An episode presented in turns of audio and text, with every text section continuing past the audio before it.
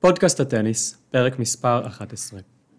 אין הרבה טורנירי טניס שהם קו פרשת מים של ממש, שאפשר למתוח עליהם קו שיסמן לפני ואחרי.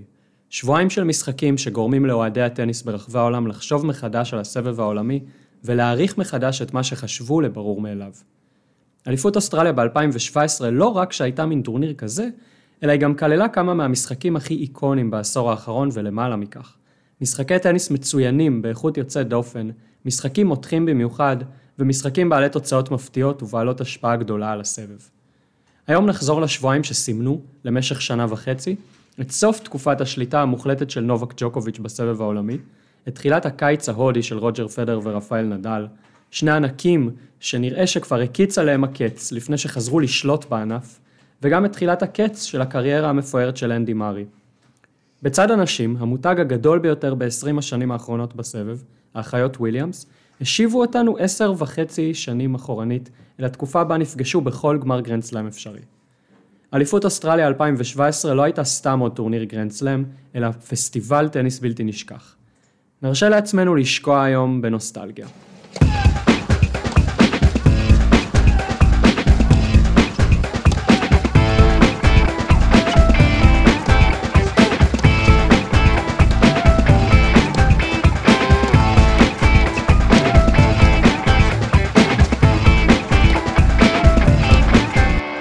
שלום לכם, שלום נמרוד, מה שלומך?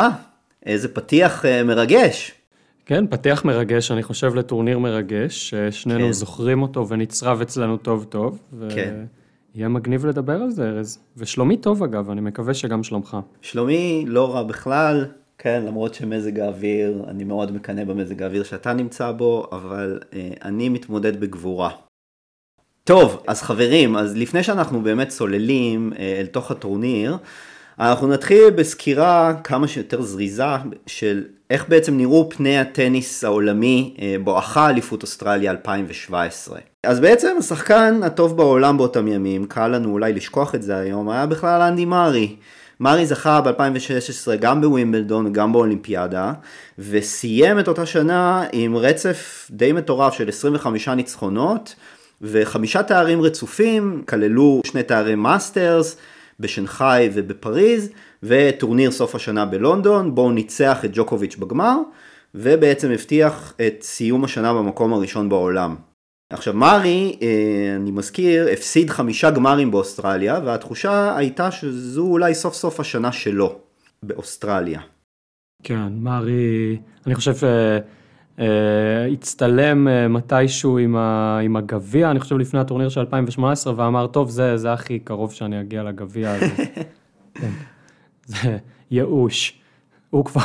הוא כבר חזה את העתיד של עצמו, כן. לגמרי. אה, ו- וכן, ובעצם ג'וקוביץ' היה הטניסאי הכי דומיננטי באותם שנים, הוא, הוא היה מדורג שני בתחרות, והם שניהם נכנסו כפייבוריטים, ג'וקוביץ' זכה בטורניר כמובן שש פעמים. אה, לפני 2017, אה, וג'וקוביץ' הוא באותם שנים עם דומיננטיות באמת מדהימה, כלומר נזכור אה, ב-2014, זה הגרנדסלם האחרון שנדל ניצח, זכה בו לפני, באותה תקופה, וג'וקוביץ' מאז אותו הפסד לנדל בגמר באליפות צרפת ב-2014, זכה בשישה תארי גרנדסלאם, בזמן שפדר ונדל זכו באפס במצטבר. כן, אמ, מטורף. הוא גם זכה ב Nole Slam, שזה ארבעה טורנירי גרנד סלאם ברצף, כן? כן. מה שנגמר ב... בצרפת 2016. כן. אמ, ואז היה לו, היו לו כמה ככה נפילות, הוא הפסיד מוקדם בווימבלדון לקווירי, הפסיד לוואוורינקה בגמר אליפות ארה"ב, אמ, שזה מין הפסד שאפשר לסלוח עליו, אבל הוא נראה כזה, שיחק ב... בוא נגיד 80-90 אחוז מהיכולת שלו. מה שכן, אה, לפני אליפות אוסטרליה, מארי וג'וקוביץ' נפגשו בגמר בדוחה. זה טורניר יחסית קטן, זניח, לא, לא מסוג הטורנירים שמארי וג'וקוביץ' בדרך כלל משחקים בהם בכלל. והגמר שם היה מדהים, כלומר, אני זוכר שצפיתי בגמר ואמרתי, וואו, כלומר, הם לגמרי שני הטניסאים הכי טובים בעולם, אה, לגמרי שני הפייבוריטים לזכות, ג'וקוביץ' ניצח בגמר הזה, אבל היה, זאת הייתה תצוגת תכלית של שני טניסאים בכושר מדהים. כן, כן, אני לגמרי מסכים. זה, זה, זה באמת היה נראה כאילו שזה פשוט המשך ישיר של שנת 2016. כלומר, בואכה אוסטרליה 2017, זה היה לגמרי נראה אה, קו, קו ישיר של מה שראינו בסוף 2016, שאומנם ג'וקוביץ' באמת, כמו שאמרת, היה קצת, אה, קצת אה, דשדש, הייתה לו נפילת מתח טבעית, כאילו חייבים להגיד, אחרי באמת שהוא סוף סוף זכה ברולנד גרוס, שזה בעצם היה חלום שלו, זה היה הגרנדסלם היחיד שהיה חסר לו לרזומה. אז הייתה לו שם איזושהי נפילת מתח טבעית, הוא הפסיד מוקדם בווימבלדון, אבל הוא, זה לא שהוא התפרק לרסיסים, הוא כן סיים את השנה במקום שני בעולם, הגיע לגמר בארצות הברית, היה לא רחוק מלזכות בו, הגיע גם לגמר היה רחוק משחק אחד מלסיים את, ה... את העונה במקום הראשון, נכון, כן, אם הוא כן. היה מנצח את מארי שם בגמר בלונדון. אני חושב שגם באותה תקופה התחילו כל מיני שמועות מרושעות על, אה, על רומן שהיה לו עם נכון, המטפלת של נכון. הילדים, ו... נכון. וכל מיני דברים בסגנון הזה, אבל אנחנו נתייחס לזה כשמועות ממקורות זרים. כן. בסדר, אז אנחנו נמשיך. אה, אז אנחנו עכשיו בעצם מגיעים לשני שני הכוכבים שלנו, של הטורניר הזה, שלא היו הכוכבים של הטורניר הזה כלל וכלל אה, לפני שהוא התחיל. אז רפאל נדל אה, הגיע לטורניר הזה בעצם לאחר השנתיים הכי גרועות בקריירה שלו. נדל ניצח את ג'וקוביץ' בגמר, כמו שהזכרת מקודם, בגמר אליפות אוסטרליה ב-2014, וזה היה בעצם הגרנדסלם האחרון שהוא זכה בו. סליחה, אליפות צרפת. כן, גמר אליפות צרפת ב-2014, וזה היה הגרנדסלם האחרון שהוא זכה בו, ולאחר מכן נדל חווה באמת צלילה חופשית, גם ביכולת, אבל בעיקר בביטחון העצמי. ודווקא כשהיה נראה שהוא מתחיל לחזור לעצמו בעונת החמר של 2016, אז הוא חווה פציעה, פציעה נוספת, בפרק כף היד, והוא נאלץ לפרוש בעיצומה של התחרות. ובעצם לאורך כל השנתיים האלה נדל לא עבר את שלב רבע גמר באף טורניר גרנד סלאם שהוא השתתף בו. למעשה ב-2016 הוא אפילו לרבע גמר לא הגיע, השמינית גמר היה ההישג הכי טוב שלו. והוא ממש היה צריך להילחם על מנת להישאר בטופ 10, ובחודשים האחרונים של 2016 הוא פשוט מיד לאחר שנגחאי, הוא פשוט הודיע שהוא מסיים את השנה כדי לתת לעצמו להתאושש מאותה פציעה שהייתה לו בפרק כף היד שהטרידה אותו באותה עונת חימר. הוא רצה לתת לה לעבור. וזהו, ובעצם נדל לא שיחק עד טורניר בריסביין בתחילת 2017, כלומר טורניר ההכנה לקראת אוסטרליה. הוא סיים את 2016 במקום התשיעי בעולם, שזה הדירוג הנמוך, הנמוך ביותר שלו בסוף שנה קלנדרית מאז שנת 2004, כלומר כן. 12 שנים. נדמה לי שבאותה, באותה, כלומר בסוף 2016 היה נראה שהכל הולך לכיוון הלא נכון. נדמה לי זה היה בסוף השנה הזאת שהתפוצץ לו התוספתן. זה היה ב-2014 אני חושב, התוספתן, לא 2016. עם צ'וריץ'? אוקיי. כן, זה היה 2014. את 2015 הוא דווקא סיים בקו הבריאות. בקו הבריאות, אבל כן. עם הישגים דלים יחסית לעצמו. הישגים דלים, בהחלט, אבל עדיין הוא הצליח לסיים את השנה במקום החמישי בעולם, הוא הגיע לחצי גמר בטורניר סוף השנה. כלומר, סוף השנה שלו ב-2015 היה טיפ-טיפה יותר טוב משאר 2015 שלו, ש- שכללה הפסדים באמת שוברי לב גם לדסטין בראון בווימבלדון וגם לפוניני באליפות אוסטרליה אחרי שהוא הוביל אליו שם 2-0 בסיבוב השלישי. לא אליפות אוסטרליה, אליפות ארצות הברית, סליחה. ו- ועוד איזה בחור ככה ש- שאולי שווה להזכיר, זה רוג'ר פדרר. פדרר מגיע לאוסטרליה ב-2017 אחרי שלא שיחק חצי שנה בכלל, אפילו לא משחק אחד, מאז ווימבלדון 2016, הייתה לו פציעה בברך והוא החליט לגמור את העונה כדי לטפל בה כמו שצריך. היה רחוק כפסע מלנצח את ראוניץ' שם ולהגיע לגמר, אבל לא נפגע על זה. ופדר בחר לשחק בגביע הופמן כטורניר הכנה, שזאת בחירה מאוד לא מובנת מאליה, כן? טורניר אהבה כזה, שלוקחים אותו ברצינות, אבל לא באים לשם דווקא הטניסאים המובילים. והוא נראה שם טוב, אגב, הפסיד שם לזוורב. אלכסנדר זוורב. אנחנו, אנחנו נקפיד, אנחנו נקפיד בפרק הזה במיוחד. בפרק הזה, כן. לציין. יש, זה הפרק היחיד כנראה שיש בו תפקיד אורח חשוב גם למישה זוורב. גם לאח הגדול, כן. כן. אז פדר מגיע לשם, אנחנו לא באמת יודעים איך הוא ישחק, כלומר הסימנים בגביע אופמן היו חיוביים, פדר מגיע מהמקום ה-17 בעולם, כן, זה די הזוי לחשוב על הדירוג שהיה לו אז. הוא היה בעשירייה הראשונה בכל, כלומר ברציפות, מאז 2002 ועד הנפילה הזאת בסוף 2016. ואנחנו בסימן שאלה גדול לגביו, אין לנו שמץ של מושג איך בכלל הוא יחזור. כן, אני חושב... הוא אחד מהמועמדים הבכירים לזכייה. בדיוק, בדיוק, כן, זה מה שרציתי להגיד גם. אני חושב ש... שחשוב לציין באמת ש...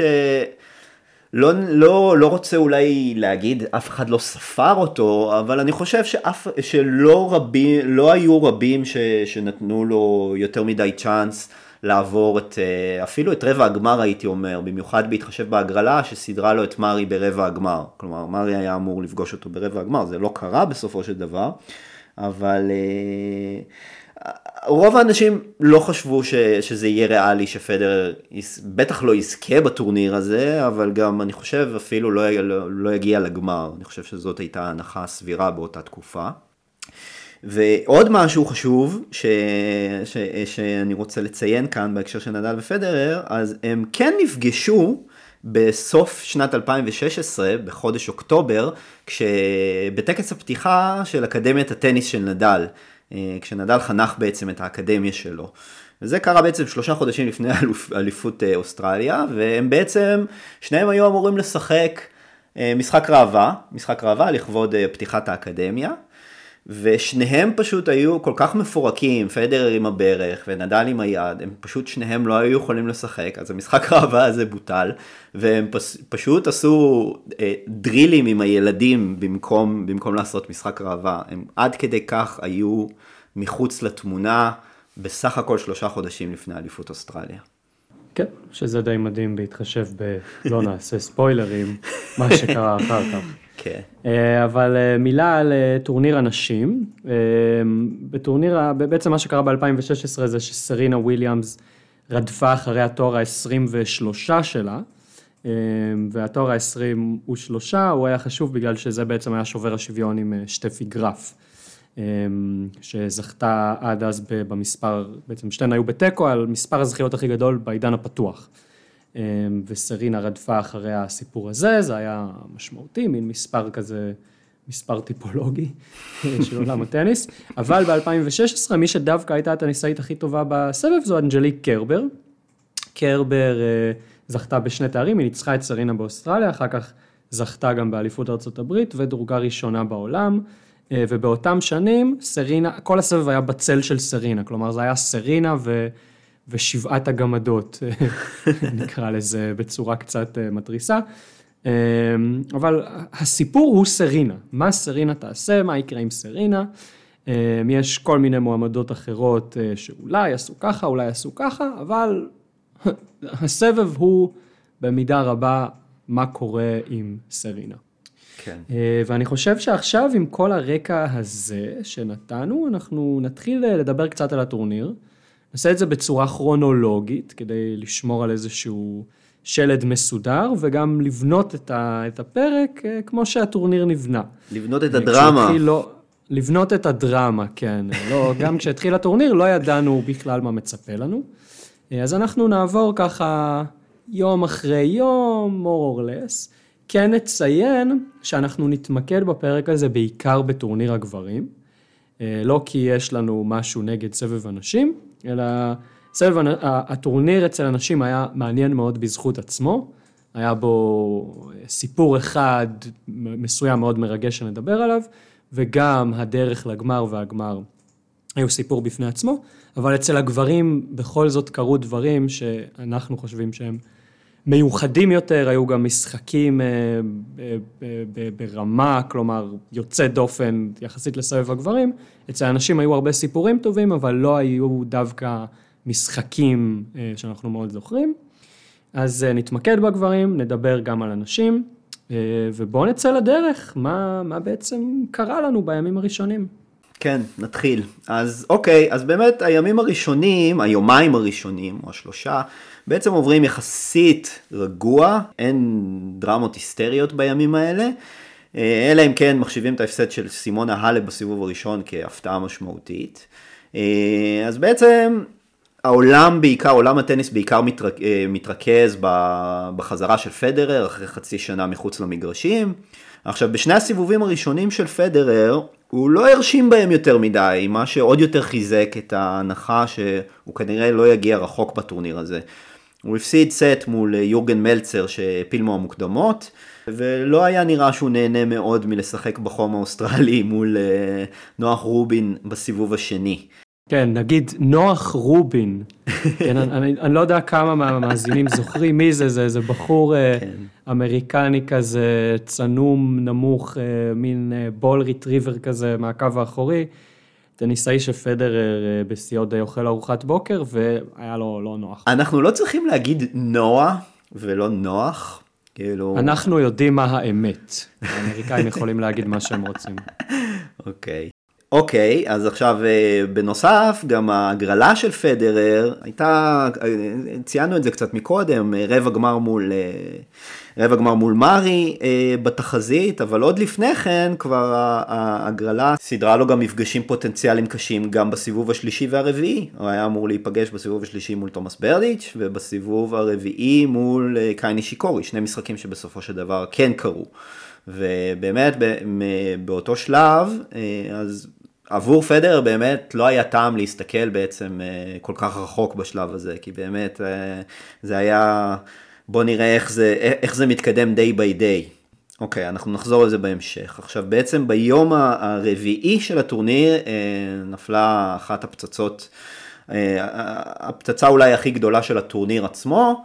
ובאמת אני חושב אחת, מה, אחת מההדחות הכי סנסציוניות של, של העשור הזה, אני חושב, של העשור הקודם אה, בטניס העולמי. אה, ג'וקוביץ' בעצם מפסיד לדניס איסטומין בסיבוב השני.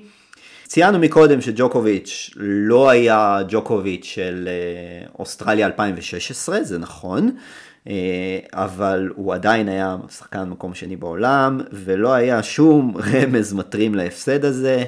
אה, איסטומן הוא אמנם שחקן טוב, גבוה ועם הגשה מצוינת, אבל במהלך כל הקריירה שלו הוא ניצח רק פעם אחת שחקן מהטופ 10, ומול ג'וקוביץ', עכשיו באוסטרליה הוא דורג במקום ה-117 בעולם. ג'וקוביץ' עלה ליתרון של 2-1 במערכות, ובסט הרביעי הם נקלעו לטייברק, וכולם היו בטוחים שאוקיי, ג'וקוביץ' ייקח את הטייברק הזה ויסגור את הסיפור. אבל לא, איסטומין בטניס באמת מרהיב, הוא גם חזר משבירה בסט הרביעי, לקח את הטייברק ולקח אותנו למערכה חמישית, וניצח את המערכה החמישית הזאת. כן, שזה באמת, כלומר, ג'וקוביץ' באליפות אוסטרליה, כן, זה, זה בסדר גודל של ההצלחה של, של פדרר בווימבלדון, של נדל באליפות צרפת.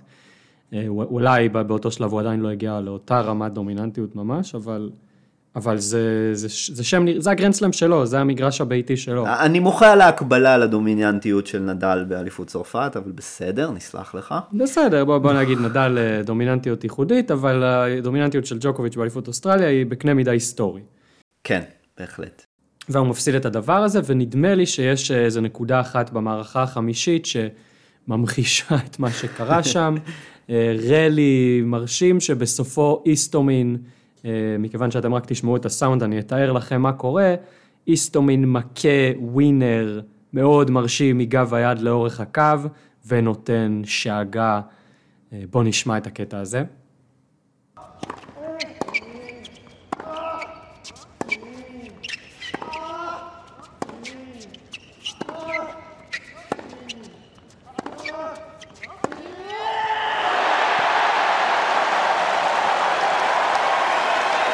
טוב, זה באמת רגע דרמטי מאוד. כן, זה הרגע שהוא שובר, הוא שובר במערכה החמישית, חשוב לציין. שובר, כן, שואג שם, אה, וג'וקוביץ' אה, ממשיך להילחם, המשחק לא, לא נגמר, גם אה, זה היה משחק של איזה ארבע וחצי שעות, ובסופו אף אחד לא נופל מהרגליים.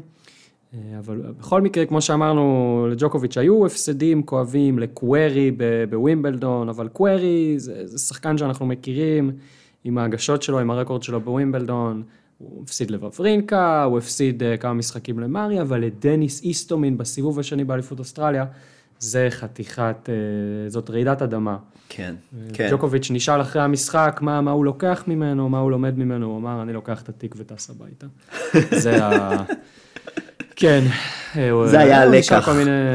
כן, הוא נשאל כל מיני שאלות, האם אתה, המנטליות שלך היא לא איפה שהיא צריכה להיות, בלה בלה בלה, וג'וקוביץ' מבטל את כל השאלות האלה, אבל בדיעבד אנחנו יודעים שהיו דברים בגור. שהיו דברים בגול, לגמרי, לגמרי, חד משמעית, כן, זה, הוא ניסה לשדר כאילו שזה אוקיי, בסדר, הפסד והכל אה, הכל יחזור להיות אה, כשהיה, אבל אה, בראי הימים אנחנו יודעים ש, שלא, שאחרי ההפסד הזה בעצם ג'וקוביץ' חווה את השנה וחצי הגרועות בקריירה שלו למעשה. זה נמשך עם הפסד באליפות אה, צרפת לדומיניק טים, עם בייגל בסט השלישי, וזה המשיך עם פציעה במרפק שמנעה ממנו מלהשתתף ב- באליפות הברית באותה שנה. אה, הוא המשיך לו להרשים בתחילת 2018 עד לקאמבק הגדול שלו בווימבלדון 2018. כן, אבל ההפסד הזה לאיסטומין הוא, הוא פרשת דרכים, הוא כן, מסמן כן. איזשהו משהו. זה גם היה ההפסד הכי מוקדם שלו בטורניר גרנד סלאם מאז ווימבלדון 2008. וכשבתווך הוא במשך 33 סלאמים ברצף הגיע לפחות לסיבוב השלישי. מטורף. אה, מטורף. ו- ו- ו- ובאותו יום, חשוב להגיד, אה, קרה עוד משהו שהיה התחלה של סיפור די אה, מרכזי בטורניר. במשחק לילה באיצטדיון אחר, במרגרט קורט, ניצחה אה, שחקנית בשם מיריאנה לוצ'יץ' ברוני, אה, טניסאית קרואטית, היא ניצחה את אגניאשקה רדוונסקה, שבאותם ימים היא טניסאית אה, טופ 5, די בכירה, מועמדת לזכות בגרנדסלמים. אבל הסיפור של המשחק הזה הוא לא רדוונסקה, כלומר הסיפור שמעניין אותנו, אלא דווקא לוצ'יץ'. זקני המאזינים מביניכם אולי זוכרים שלוצ'יץ' הייתה שם דבר בסוף שנות התשעים. אה, היא העפילה לחצי הגמר בווימבלדון כשהיא הייתה בת 17, היא זכתה בווימבלדון לזוגות עם אה, מרטינה הינגיס כשהייתה בת 15. אה, קבע הרבה שיאים של הצעירה ביותר ש... וכולי וכולי, אבל היא התנדפה די מהר מהסבב, ובתחילת שנות האלפיים היא כבר הייתה נון פקטור, בקושי שיחקה, וב-2002 נדמה לי סוג של פרשה מטניס. והתפרסמו סיפורים על כך שאבא שלה היה מכה אותה, היה מתעלל בה רגשית ופיזית, אה, ממש חובט בה ו- וגורם לפצעים. אה, סיפור די מזעזע, היא גם נכנסה לתביעה משפטית מול הסוכנות IMG, שהבטיחה לה גדולות ונצורות, אבל נטשה אותה כשהגיעה הנפילה. היא בעצם נמחקה לגמרי מהסבב, והיה נראה שהסיפור שלה גמור. אבל אה, בסוף העשור הראשון של, ה, אה, של המאה הזאת, היא חזרה לסבב, אה, הצליחה לפרוץ בחזרה למאה הראשונה, אבל לא לחמישים הראשונות. כלומר, היה נראה שקאמבק מרגש, נחמד וזה, אבל הוא לא נוסק לאותם גבהים, ופתאום פה משהו קרה, הניצחון הזה מול רדוונסקה היה מאוד משמעותי. הקהל האוסטרלי, אגב, הייתה לו נקודת חיבור לסיפור הזה, כי הסיפור קצת דומה לסיפור של ילנה דוקיץ', כן.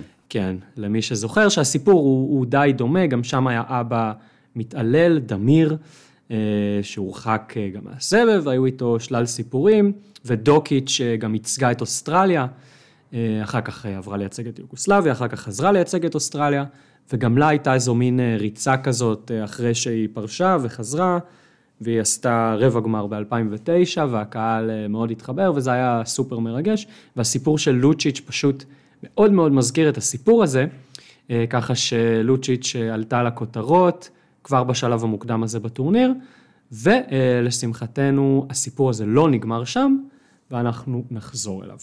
כן. טוב, נמרוד, אתה בשוונג. בוא תספר לנו על, ה... על היום הבא בעצם, שהיה משחק ראוי לציון בו של אה, יקיר לבך. של יקיר ליבי, כן, אז פדרר, כמו שאמרת קודם ארז, ההגרלה שלו הייתה נראית אכזרית במיוחד. כלומר, אה, הבן אדם אה, חוזר מחצי שנה מחוץ למגרשים, בואו תנו לו איזה סיבוב שלישי, נורמלי, רביעי. אה, אבל לא, ברדיך בסיבוב השלישי. עכשיו, אנחנו זוכרים את ברדיך, אני חושב שבדיעבד כאיזה לוזר כזה, כן? כן, אבל הוא עשה איזה לפדר שחקן הרבה כזה- צרות. הוא עשה לפדר הרבה צרות, הוא גם ניצח אותו פעמיים בגרנד סלמים. נכון, אה, כן. בווימבלדון ובאליפות הברית. זה שחקן מאוד רציני. אגב, נתן לנדל בייגל ברבע גמר באוסטרליה. נכון. שנה לפני. לא, שנתיים לפני. אז שנתיים. שנתיים לפני, ב-2015. כן. בכל מקרה, זה, זה חתיכת מבחן, בעיקר בהתחשב בזה שפדר לא שיחק טוב בשני הסיבובים הראשונים. אז כבר בסיבוב השלישי, זה מבחן רציני, אבל איכשהו פדרר משנה צורה, מעלה הילוך ודורס את ברדיך בשלוש מערכות. זה היה די out of nowhere. כן. פדרר שיחק מעולה במשחק הזה, זאת לא הייתה איזו נפילה איומה של ברדיך, ופתאום אנחנו חושבים, היי, hey, אולי מתפתח פה משהו, ההגרלה עדיין נראית קשה, נישיקורי בשמינית ומרי אה, ברבע, זאת ההגרלה באותו שלב, אבל פדרר פתאום נכנס לעניינים. וזה הופך את הטורניר למעניין במיוחד. כן. אה, בעיקר עבור אוהדי פדרר, אבל עבור אה, כולם אני חושב. כן, בהחלט. אה, חשוב לציין, זה היה יום לפני הסיבוב השלישי של נדל, שתכף נגיע אליו. אבל אני כן רוצה להגיד, אני חושב, תקן אותי אם אני טועה נמרוד, אני חושב שבשלב הזה עדיין אף אחד לא באמת העלה, העלה על הדעת גמר בין פדרר לנדל. לא, ממש, ממש, ממש בשלב לא. בשלב זה, זה עוד ממש לא היה בתסריט. זה היה נחמד, אוי, פדרר חזר יותר טוב ממה שאנחנו חשבנו, אבל עדיין ההגרלה בצד שלו היא אכזרית, יש שם את מרי, יש שם את וברינקה, יש שם את הניסאים שהם בהרבה עדיפים עליו. החצי של נדל אולי נפתח עם ההדחה של ג'וקוביץ'. נכון, והוא נכון. והוא כבר נראה כמו מועמד בכיר, אבל גם להגיד שנדל בטוח יהיה בגמר, גם זה היה הימור אמיץ באותו שלב. זה היה הימור אמיץ, במיוחד לאור התוצאות של נדל בשנתיים האחרונות בסלאמים. ובאמת, ובאמת, כמו שאנחנו רואים, אז כבר בסיבוב השלישי, במבחן האמיתי הראשון של אה, נדל, אה, הוא כמעט ומודח, הוא נקלע לקרב קשה מאוד מול אלכסנדר זוורב. אה, ואני חושב שבדיעבד, זה, ההשלכות של המשחק הזה היו מרחיקות לכת מאוד, לא רק על הטורניר הנוכחי הזה של נדל, אלא גם על כל המשך הקריירה שלו. אז זוורב באותו שלב הוא בן 19 וחצי, וכבר באותה תקופה הוא סומן אה, כאלוף עתידי, ובאותם ימים הוא כבר בטופ 30, הוא, והוא מסיים את אותה שנה, אה, אני חושב מקום חמישי או שישי בעולם, אחרי זכייה בשני טורניר מאסטרס. אה, המשחק עצמו היה מאוד מאוד קשוח, אה, זוורב עלה ליתרון של 2-1 במערכות, לאחר שלקח את הטייברק של המערכה השלישית, ונדל בשלב הזה הוא מאוד מתקשה מול ההגשות של זוורב, ושוב, לאור התוצאות של נדל בשנים האחרונות בסלאמים, ההנחה הסבירה היא שנדל יודח במשחק הזה, הוא בפיגור 2-1, קשה מאוד לראות את עצמו חוזר, קשה מאוד לראות את נדל חוזר ובאמת לוקח את המשחק הזה. אך כאן חלה תפנית חדה בעלילה והיא התבררה, התבררה בסופו של דבר כדרמטית. נדל ניצח את המערכה הרביעית, הוא שבר מוקדם במערכה החמישית ומיד נשבר בחזרה, ושוב בשלב הזה היה נדמה שהמומנטום עם הגרמני ושהוא הולך לקחת את המשחק. אבל אותה רוח לחימה של נדל, אותה מלחמה בלתי מתפשרת על כל כדור, היא, היא זו שבאמת הביאה לו את הניצחון במשחק הזה. ואותו נדל הקלאסי של פעם, ראינו את החזרה שלו, אני חושב, באותו משחק, והמשחק הזה נתן לו המון ביטחון להמשך הטורניר, וזה הביא אותו ממש עד מרחק נגיעה מהתואר, מהתואר בלי ספוילרים, כן? שוב, בלי ספוילרים. בלי ספוילרים, כן. אני חושב שנדל באותו משחק, הוא הראה, כלומר, רוח לחימה וכולי, אבל גם הרבה מה, מהניסיון וכמה הוא שחקן חכם.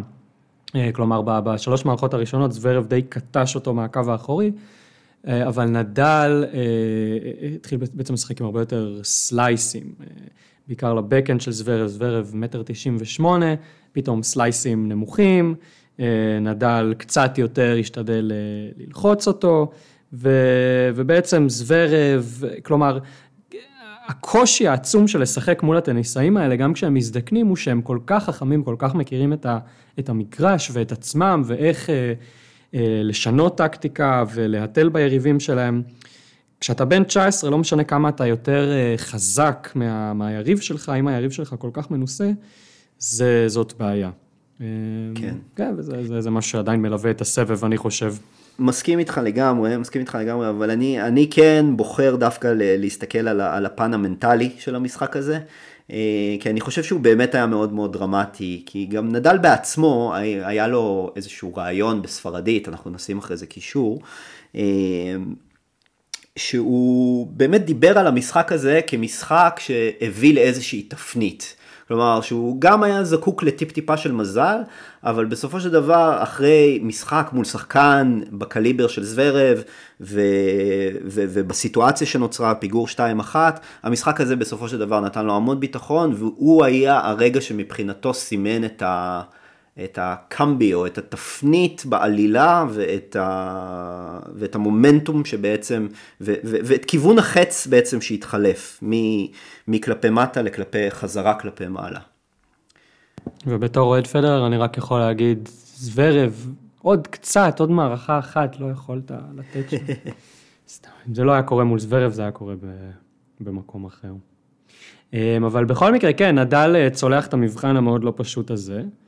אמ, אז בשלב הזה בטורניר ג'וקוביץ' כבר עף, פדרר חוזר לעניינים. יש את הסיפור של לוצ'יץ' והסיפור של נדל, אבל חשוב להגיד שאנחנו מתמקדים בסיפורים הגדולים, אבל יש המון משחקים עוד. בטורניר הזה. כן. כן, אנחנו, טוב, זה גרנד סלאם, תמיד בגרנד סלאם קורים המון המון דברים שאי אפשר לגעת בכולם, אבל היו גם סתם מין משחקים כאלה, כן, פליסקובה ניצחה את אוסטפנקו, 10-8 במערכה השלישית, וקיריוס הפסיד לספי 10-8 במערכה השלישית, אחרי שכבר הוביל 2-0, והיו האשמות ב tanking, והקהל שרק לו בוז, ומסיבת עיתונאים כזאת כיפית של קיריוס. אה, וגם טומיק כיכב בטורניר הזה, ו- נכון. ודן אבנס, הבריטי, נכון. היו המון המון המון דברים. אגב, מישה זוורב, עוד לפני ה highlight הגדול שנדבר עליו, ניצח את איזנר, גם במין משחק כזה של אה, מיליארד טייברייקים, חזר מ-2-0. היו מלא מלא מלא סיפורים ומשחקים אה, מרשימים, אבל אנחנו לא נוכל לגעת בכולם, אז אנחנו מתנצלים. בפני כל קרלוביץ' שחזר מ-2-0 וניצח 22-20 בתוצאת כדורסל, כדוריד כזאת. כן, כן. המשחק עם הכי הרבה גיימים בהיסטוריה של ה Australian Open, אגב. מה שכנראה יישאר ככה, בגלל שעכשיו יש לנו טי ברייק במערכה החמישית. אז, אז קרלוביץ', תודה לו על השיאים. אבל בשלב הזה חשוב להגיד שעם כל הדרמה, רוב הטניסאים הבולטים עדיין בטורניר. עדיין שם, כן, עדיין מרי, שם. מרי, נדל, פדרר, ובנשים סרינה, קרבר, אה, ועוד כמה טניסאיות בכירות. אוקיי, okay, אבל כל זה הולך להשתנות יום למחרת, היום השביעי של הטורניר, היום הראשון בעצם של שמינית הגמר, והוא בדיעבד, לדעתי, אה, היו לו הכי הרבה השלכות על הגורל של הטורניר הזה. אז בעצם היום הזה, אה, הסנסציה הראשונה של היום הזה היא ההפסד של אנדי מארי בארבע מערכות למישה זוורב, האח הבכור של אלכסנדר זוורב. עכשיו, אה, בניגוד לסאשה, בניגוד לאח הצעיר, מישה הוא אולד סקול, הוא שחקן של להגיש ורוץ ל... ולרוץ לרשת, סגנון שלא מאוד פופולרי בשנים האחרונות, אבל עם הסגנון הזה הוא פשוט פעם אחרי פעם אחרי פעם אחרי פעם, אה, הוציא אותו לפועל מול מארי וניצח אותו. אה, וזו הייתה בדיעבד, אני חושב, התפנית הכי גדולה בעלילה, כי אני חושב שמעבר מעבר לעובדה שזה חיסל בדיעבד, כן, אה, זה חיסל את הסיכויים הריאליים של מארי לסלאם נוסף, אז זה קצת סלל לפדר את הדרך לגמר, כי בעצם פדר ומרי היו עתידים להיפגש ברבע הגמר, ואני באופן אישי, אני יכול רק לנחש, אבל אני חושב שפדר לא היה מנצח את מארי של תחילת שנת 2017, בהינתן אה, הכושר של פדר ובהינתן הכושר של מארי. אה, כמובן שזה רק השערה, אנחנו מעולם לא נדע את זה. אה, אבל מיד לאחר מכן, אה, פדר בעצם עולה על אותו מגרש ומנצח בחמש מערכות את נישיקורי. ואני חושב שבשלב הזה כבר מתחילות להישמע בפעם הראשונה אה, קולות שחוזים גמר אפשרי בין נדל לפדרר. כן, שזה צריך להזכיר דבר שבאוסטרליה לא קרה מאז 2009, כן, שמונה שנים, ובכלל לא קרה מאז 2011, נכון? זה כן, הגמר האחרון, גמר גרנד סלאם האחרון ביניהם היה בפריז, אה, באליפות אה, צרפת הפתוחה ב-2011. אחרי שפדרר ניצח את ג'וקוביץ' ג'וקוביץ', בחצי גמר. כלומר, בדיוק. היריבות שהגדירה, אני חושב, אה, כן, אנחנו לא, לא, לא נפחית בכבודם של ג'וקוביץ' ומרי, אבל היריבות בין פדר ונדל היא היריבות שדי הגדירה את אה, עולם הטניס ב-20 שנה האחרונות. בהחלט. אמ, או תפסה הכי הרבה תשומת לב, אה, בוא נגיד לכל הפחות ככה, אה, אבל הם לא שיחקו במשחק ענק אה, כבר שנים, והדמיון אה, ניצת באופן טבעי, זה עדיין רחוק. כלומר, מרי הפסיד, אבל עדיין יש טניסאים מאוד טובים בהגרלה הזאת.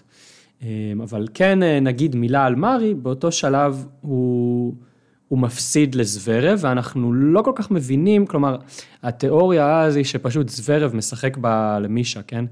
אה, הוא משחק ב, בסגנון הזה של ה serve and volley, הוא גם שמאלי, הוא מין שחקן כזה tricky שקשה לשחק נגדו, והוא שיגע את מרי עם כל הסלייסים, ואם אתה לא במיטבך ושחקן כזה tricky הוא כן במיטבו, אז, אה, אז אתה מפסיד, וזה בסדר וטבעי. גם מרי הפסיד אגב לנישיקורי ב-US Open, גם בשנת נכון. השיא שלו, כלומר הוא אנושי. כן. אה, זה בסדר, אבל בדיעבד אנחנו יכולים להגיד שגם פה חל מפנה מאוד מאוד משמעותי. אה, בדיעבד אנחנו יודעים להגיד שב-2016 מרי שחק את הגוף שלו נכון. בצורה יוצאת דופן, הוא שיחק כמות הזויה של משחקים. אה, הוא זכה בווימבלדון, אבל הוא גם הגיע לגמר בצרפת ובאוסטרליה, והוא הגיע לגמרים בטורנירי מאסטרס במדריד וברומא, ברומא הוא ניצח את ג'וקוביץ', אחר כך גם בקיץ, אחר כך בפריז ובשנגחאי, ובאליפות סוף העונה בלונדון, הוא שיחק באולימפיאדה ומשחקים ארוכים בגביע דייוויס, אה, חמש מערכות מול דל פוטרו. אה, ואחר כך זה היה, הוא חזר לאיוון לנדל, כן, שאיוון לנדל דוגל בעבודה קשה, וב off season איוון לנדל קרא את מרי. הוא הגיע לאליפות אוסטרליה גמור, ובדיעבד ה- ה- הירך שלו אה, הייתה גמורה באותו שלב, אה, ומרי לא חזר לעצמו מאז ועד היום. הוא עוד הספיק לעשות אה, חצי גמר חצי גמר, באליפות ב... צרפת. נכון, הפסיד לבברינקה שם בחמש אה, מערכות. הפסיד לבברינקה. בווימבלדון הוא כבר צלע ממש, הוא סיים אה, רבע גמר מול, מול אותו קווירי, אה, שזכור לנו מהניצחון על ג'וקוביץ', אה, אבל אה, שם כבר ברור ש, שמשהו רפואי לא כשיר עם מרי, ו, והיום, אה, כמה ניתוחים אחר כך, אנחנו יודעים בדיוק מה קרה שם. אני חושב שהוא ציין את אותו הפסד לבברינקה בפריז 2017, כמה חודשים אחרי אליפות אוסטרליה, באמת כמשחק ש- שממנו הירך שלו כבר לא חזרה להיות מה כן. שהיא הייתה פעם. כן, אבל כן, אותה אליפות אוסטרליה, הטורניר הגרנדסלאם היחיד אי פעם שמרי נכנס אליו כמדורג ראשון בעולם, היה גם, אנחנו היום יודעים להגיד האחרון. כן, כן. אה, כן, ובאותו יום שמרי מפסיד למישה, גם קרבר מפסידה, מדורגת ראשונה בנשים, כלומר שני המדורגים הראשונים בעולם מפסידים. זה שלושה משחקים, שלושה משחקים אחד אחרי השני, זה, זה, זה מארי אה, מול על זוורב. אותו מגרש. כן, לאחר מכן אה, אה, פדרר מנצח את, את נישיקורי בחמש מערכות, ולאחר מכן קרבר. כן, והניצחון של פדר על נישיקורי כשלעצמו הוא גם uh, תוצאה מאוד, uh, כן, פדרר, אולי נגיד, uh, פדרר נכנס לטורניר הזה בגיל uh, 35 וחצי. כן, היום, היום זה נראה לנו צעיר, אבל באותו זמן אנחנו אומרים, טוב, פדרר הקשיש הזה, כן, אם הוא עכשיו נגרר פה למשחקים של חמש מערכות, הוא לא יצא מזה. כן. אה, אבל הוא יוצא מזה נגד נישיקורי שצעיר יותר, אבל יש עוד על מה לדבר, אז לא נתעכב על זה. אה, קרבר מפסידה לקוקו ונדבה, שהיא טניסאית אמריקאית עם אה, אופי אה, מאוד נוכח, לא, לאו דווקא הטניסאית הכי אהודה בחדרי ההלבשה, outspoken, איך שאומרים, על שלל נושאים ועל עצמה. כן. וונדווי עם הסגנון המאוד אגרסיבי שלה, כמיטב המסורת האמריקאית, מעיפה את אה, קרבר, קרבר אחר כך תהיה לה שנה נוראית ב-2017, אז גם כאן אפשר למצוא את, ה, את אה, זרעי הפורענות. של הטורניר הזה. כן, כן. כן. עכשיו קוקו ונדווי, גם אולי שווה לציין, היא קצת נעלמה, היו לה פציעות קשות, היא הגיעה לחצי גמר באותו טורניר, אבל היום אנחנו כבר לא ממש שומעים עליה, נכון? אני מודה שבאופן אישי אני לא כך יודע מה, מה קרה לה, אבל אני כן יודע שהיא חוותה כמה פציעות קשות, אבל באותם ימים היא בהחלט כן מאוד הסעירה את עולם הטניס. והיום אנחנו מדברים על קוקו אחרת. נכון, נכון, כן, אה, לא, היו לה, באמת היו לה פציעות, היא משחקת אה, בסגנון מאוד תובעני פיזית, כלומר, תובעני בעיקר בפלג הגוף העליון, כן, אבל גם, אני חושב שהפציעה המרכזית שלה הייתה בקרסול, אבל מכל מקום, אנחנו אה, נשלוט בעצמנו ונעבור קדימה, אני חושב. כן, אנחנו אחרת לא נצא מזה, יש לנו עוד, עיקר הטורניר עוד לפנינו. אוקיי, ממשיכים. אה, אז אחרי בעצם היום השביעי המטורף הזה, היו לנו קצת כמה ימים רגועים. אה, בגברים יש לנו את וברינקה ופדרר, שניהם מנצחים 3-0 חלק, את רבעי הגמר שלהם, וברינקה מנצח את צונגה, ופדרר מנצח את אותו מישה זוורב שניצח את מארי בסיבוב הקודם. אה, גם בשלוש מערכות, בקרב די מהנה, מלא סלייסים ועליות לרשת, כיאה לסרבן וולי ולפדרר, שמאוד מאוד נהנה מהסגנון משחק הזה. אה, עכשיו, משהו אחד ששווה רק להזכיר, וורינקה הוא האלוף המכהן של אה, אליפות ארה"ב, כלומר של, הגמ... של הגרנד סלאם האחרון נכון לאותה עת. והוא בעצם אחד הפייבוריטים לזכייה בתואר. כן, בשלב הזה נראה לי שאפשר להגיד שאולי אפשר אפילו להגיד שהוא הפייבוריט. אה, אולי זה קצת מרחיק לכת. היה גם, גם, קצת... היה גם אה, את ראוניץ', אני חושב באותו שלב, ש, שסופר כ, כמועמד, אה, כן, אבל, אבל כן. אבל וורינקה אלוף גרנד סלאם שלוש נכון, פעמים. נכון. בכושר מצוין.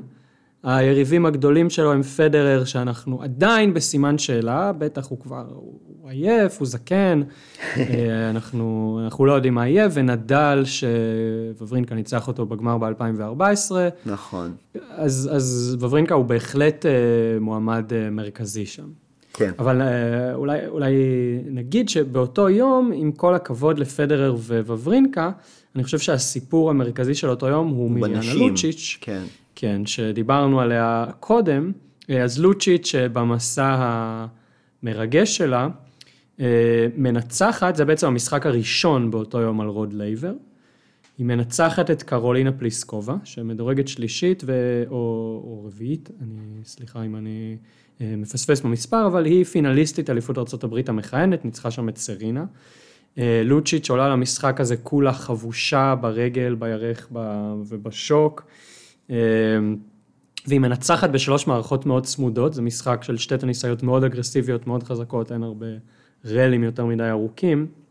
אמ, ולוצ'יץ' קורעת שם על המגרש, מצמידה את המצח לאספלט, מי שרוצה לראות אה, קטע מרגש יכול להיכנס ולראות את הסרטון הזה, אבל אנחנו נשמיע עכשיו את הרעיון שלה אחרי המשחק, חלק מהרעיון הזה, שבו לוצ'יץ' אה, בעצם נשברת ופורצת בבכי ואומרת, כל מה שעבר עליי עד היום, והיא מתכוונת להתעללות של האבא שלה ולעובדה שהיא נאלצה לברוח מקרואטיה לארצות הברית כדי לברוח מאבא שלה, וכל הזוועות שהיא נעברה, שהיא עברה, היא אובחנה כסובלת מפוסט טראומה.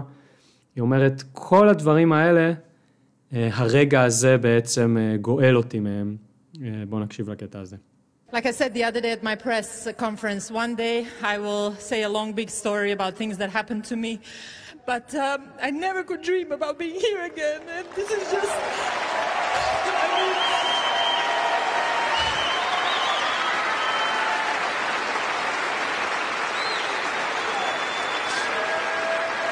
I know this means a lot to every player that reaches semifinals, but to me, this is just this is overwhelming. I will never, ever, ever forget this day and this uh, last couple of weeks. This has truly made my life and everything that everything bad that happened it has made it okay and and just the fact that I was this strong and that it was worth fighting this hard is really incredible. טוב, אז זה, זה באמת קטע די סוחט דמעות. כן, כן. נגיד שמי שלוצ'יץ' בסוף התייצבה מולה בחצי הגמר היא סרינה. סרינה די משייטת שם בטורניר, והיא ניצחה ברבע הגמר את קונטה. קונטה נחשבה אגב לאחת המועמדות, המועמדות החזקות לתואר. כן, היא היא הייתה זכתה, נראית בטורניר נהדר. בסידני, כן. אה, לפני אוסטרליה, שזה מסורתית טורניר מאוד מאוד חזק בסבב הנשים. אה, היא הייתה בכושר נפלא, וסרינה די אה, מעכה אותה, לא נעים להגיד. אה, וגם דימיטרוב ניצח את דוד גופן, גם יחסית בקלות. זה היה גם טורניר, זה היה גמר טורניר סוף השנה של אותה שנה. אף אחד לא חזה את זה באותה עת. גם הזרעים לדבר הזה כן. נזרעו. אה, הגמר, אגב, באליפות סוף השנה היה אחלה משחק. באליפות אוסטרליה דימיטרוב ניצח יותר בקלות. אוקיי, ובמשחק הלילה, המשחק, הרבע גמר האחרון בגברים, הושלמה תמונת חצאי הגמר. נדל אה, מנצח בצורה מאוד משכנעת את ראוניץ' בשלוש מערכות חלקות. בעצם כל רבעי הגמר בגברים הסתיימו בשלוש מערכות חלקות. בניגוד גמור כמובן למה שמחכה לנו בהמשך. עכשיו ראוניץ', חשוב לציין, הוא שלישי בעולם באותה עת. הוא שחקן מאוד מאוד דומיננטי והוא הגיע לגמר בווימבלדון, הפסיד שם למארי ב-2016. הוא חשוב לציין, הוא בדיוק מסוג השחקנים שעושים צרות לנדל במשטחים מהירים. הוא שחקן עם big serve, big forehand, ונדל באופן אה, מסורתי מתקשה מולם. אה, אז אני חושב שהמשחק הזה היה מאוד חשוב לו, במיוחד גם שהוא ניצח אותו בלי לשמוט אפילו מערכה אחת. ועוד אחרי ששבועיים קודם לכן הוא, ניצ... אה, אה, הוא הפסיד לאותו ראוניץ' ב- ברבע גמר בבריסביין. כן, ו- ואחרי המשחק הזה, אה, ג'ים קורייר, שהוא המראיין הפופולרי אה, על המגרשים באוסטרליה, הוא דמות אה, בפני עצמו, הוא שואל את נדל, ראשית כל טוב, רפה, עכשיו אתה תשחק מול דימיטרוב בחצי הגמר, מה אתה חושב? ונדל ענה בצורה מאוד נדלית.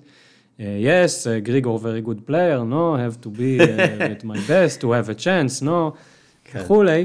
מאוד מגוון. ואחר כך הוא נשאל, כן, הוא, טוב, זה, אתה יודע, זה, זה מנטליות מנצחת. בכל מקרה, אחר כך ג'ים קורייר שואל את נדל על המשחק אה, בין פדרר וווברינקה. צריך להבין, יש התרגשות באוויר. כלומר, כן, אה, כן, מרגישים באותו שלב שקורים דברים אה, משמעותיים, והמשחק בין פדרר לווברינקה סופר מעניין, גם כי אנחנו, שוב, פדרר עדיין מין סימן שאלה, הוא כבר בחצי גמר, אבל הוא בן 35 וחצי, זה כמעט חסר תקדים ששחקן בגיל כזה אה, מגיע לחצי גמר עם, עם, עם סיכוי ממשי לנצח, לא לגמרי חסר תקדים, אבל אבל גמר, גמר, כרגע, אני חושב שגמר בין פדר לנדל הופך להיות שיחת היום. הופך להיות שיחת לגמרי. היום, לא רק, לא רק בק, בקרבנו, חובבי הטניס, אני חושב שכל מי שאוהב ספורט, היה מודע כבר לאופציה הזו בשלב הזה, וזה ממש הפכה להיות שיחת היום. כן, וזה, וזה מתחבר לתשובה של נדל, כשהוא נשאל על הסיפור הזה, הוא אומר, דבר ראשון, אני אוהד של הספורט, כלומר טניס, ואני חושב שמי שלא רוצה לראות את החצי גמר של פדר מול וברינקה, כנראה לא כל כך אוהב את הספורט. כן. אה, וזו תשובה חמודה, בואו נשמע אותה רגע. That's one semifinal. The other semifinal is also set. Swiss matchup. There's a guy named Stan Wawrinka and someone you know a little bit named Roger Federer. I'd love to just get your thoughts on that matchup tomorrow night. Will you watch? You know, what do you think? Well, I, I love the sport more than anything. So uh, if you don't want to watch this match, you don't like about the sport. uh, yeah, איזה חמוד הנדל הזה, איזה חמוד. איך אפשר לא לאהוב אותו? איך אתה לא אוהב אותו? אתה מוכן להסביר לי פעם אחת ולתמיד? הסברתי כבר, אם לא הקשבת זו בעיה שלך. טוב. כן, אבל אה, כן, אה, באמת תשובה חמודה, לכן גם זכרתי אותה וככה חפרתי ביוטיוב כדי למצוא אותה. אה, אבל כן, אנחנו, יש לנו שני חצאי גמר, נדל דימיטרוב ופדר וברינקה. הראשון מביניהם שקורה זה פדר נגד וברינקה. לפניו, אגב, מתרחשים חצאי גמר אנשים שצריך להגיד אה, ביושר שהם כשלעצמם לא היו נורא מעניינים. אה, סרינה דרסה את לוצ'יץ', זה היה סוף המסע המופלא של לוצ'יץ', שהפסידה שם שלושה משחקונים. אה, קוקו ונדבה לקחה לווינוס מערכה, אבל וינוס ניצחה בשלוש מערכות. עד עכשיו בכלל לא דיברנו על וינוס ועל המסע שלה, נכון. אבל צריך להגיד שגם המסע של וינוס בטורניר הזה, הוא מסע די מופלא. אה, אחת הסיבות המרכזיות שאנחנו כל כך זוכרים את הטורניר, הוא בגלל הגמר בין סרינה לווינוס. היא, היא מגיעה למעשה לגמר גרנד סלאם ראשון מאז 2009? יכול להיות? זה הגמר גרנד סלאם הראשון שלה, מאז 2009, מאז שהיא הפסידה לסרינה. אה, כלומר, פעם וינוס וסרינה הפסידו, הם שיחקו אחת נגד השנייה כמו, כן, כמו כלום כזה. כן. ארבעה אה, גמרים ברצף בין 2002 ל-2003, אחר כך שוב אה, בווימבלדון 2003, סרינה מנצחת כל הזמן, כל הזמן. אחר כך הם נפגשו בעוד שני גמרים בווימבלדון, עוד שלושה, סליחה. לא, עוד שניים וינוס, בווימבלדון. וינוס ניצחה בווימבלדון פעם אחת. וינוס ניצחה פעם אחת ב-2008, אחר כך הפסידה, ב-2008 ניצחה את סרינה, ב-2009 הפסידה לסרינה. אבל היריבות שאפשר, אני חושב, מבחינת אה, טניס אנשים, אפשר להשוות אותה ליריבויות מאוד מאוד גדולות מהעבר. אולי לא ממש אותה הרמה של אה, נברטילובה אברט אה, וגרף סלס, אבל משהו שדי מתקרב לזה. אבל בגלל הסיפור הזה שהן האחיות וויליאמס, זאת יריבות שקשה למצוא לה מתחרים בזירת הרייטינג ובזירת העניין, והעובדה ששתיהן הגיעו לגמר בגיל די מתקדם, כן? סרינה, אנחנו תמיד מדברים על פדרר כזקן, אבל סרינה ופדרר הם בני אותו גיל, ווינוס מבוגרת בשנה מסרינה. כלומר, היא הגיעה שם לגמר אה, בגיל 36 וחצי, going on 37, אה, כן. שזה די מדהים כשלעצמו. אה, וגם שם, אנחנו כל הזמן מדברים על אליפות אוסטרליה 2017 כאיזשהו טורניר שזרע את הזרעים להמשך העונה. ובאמת ב-2017 לוינוס הייתה עונת רנסאנס די מטורפת, אחרי כמה שנים שהיא סיימה, כשהיא דורגה ככה או בשלהי העשירייה הראשונה או אפילו מחוץ לעשירייה הראשונה, היא הגיעה לגמר באוסטרליה, אחר כך לגמר בווימבלדון, לחצי הגמר באליפות ארה"ב, סיימה את העונה מדורגת חמישית. כן, הגיעה גם לגמר טורניר סוף השנה, אני חושב. אה, כן, נכון, נכון. אבל כן, ו- ואני חושב שהסיבה שאנחנו לא כל כך זוכרים את, אה, אה, את, את העונה של וינוס, אה, באמת כעונה מדהימה, שהיא הייתה ללא ספק עונה מדהימה, היא הסיבה שהיא בסוף אה, לא זכתה בתואר, היא כאילו הגיעה לשלושה גמרים סופר חשובים ולחצי גמר סופר חשוב, אבל לא זכתה באף תואר, וזה אולי טיפה פספוס, אבל ללא ספק. עשית, עשית ספוילר, עשית ספוילר, אה, אבל נכון, אנחנו, נכון, אנחנו בסדר, בסדר, אנחנו נסלח לך על זה. כן. באותו יום שחצי הגמר של האנשים מתרחשים, מתרחש גם חצי הגמר בין פדרר לבברינקה. אמ, המשחק הזה, באופן אישי זכור לי כמשחק מהנה ואיכותי, הוא, הוא נשכח כמעט לגמרי בגלל שני המשחקים שהתרחשו אחריו בטורניר הגברים, שאנחנו נדבר עליהם, אבל אפשר להגיד כבר בשלב הזה, נעשה קצת ספוילר, מהשלב הזה כל המשחקים בטורניר הגברים הם משחקים של חמש מערכות, שזה גם יוצא דופן כשלעצמו, שני חצאי גמר וגמר של חמש מערכות. אה, המשחק בין פדר לווברינקה היה הפחות טוב מבין השלושה. וברינקה, אה, אמרנו, מועמד בכיר לזכות בתואר, אלוף הברית, אבל צריך גם להגיד ביושר שיש לו איזה בעיה מנטלית קלה מול פדרר, בעיקר במשחקים גדולים. מול ג'וקוביץ' הוא מאוד אוהב לשחק, מול פדרר פחות. אמ, כנראה זה משהו ביחסי הכוחות שם, בשוויץ, אה, וברינקה מרגיש בצל של פדרר.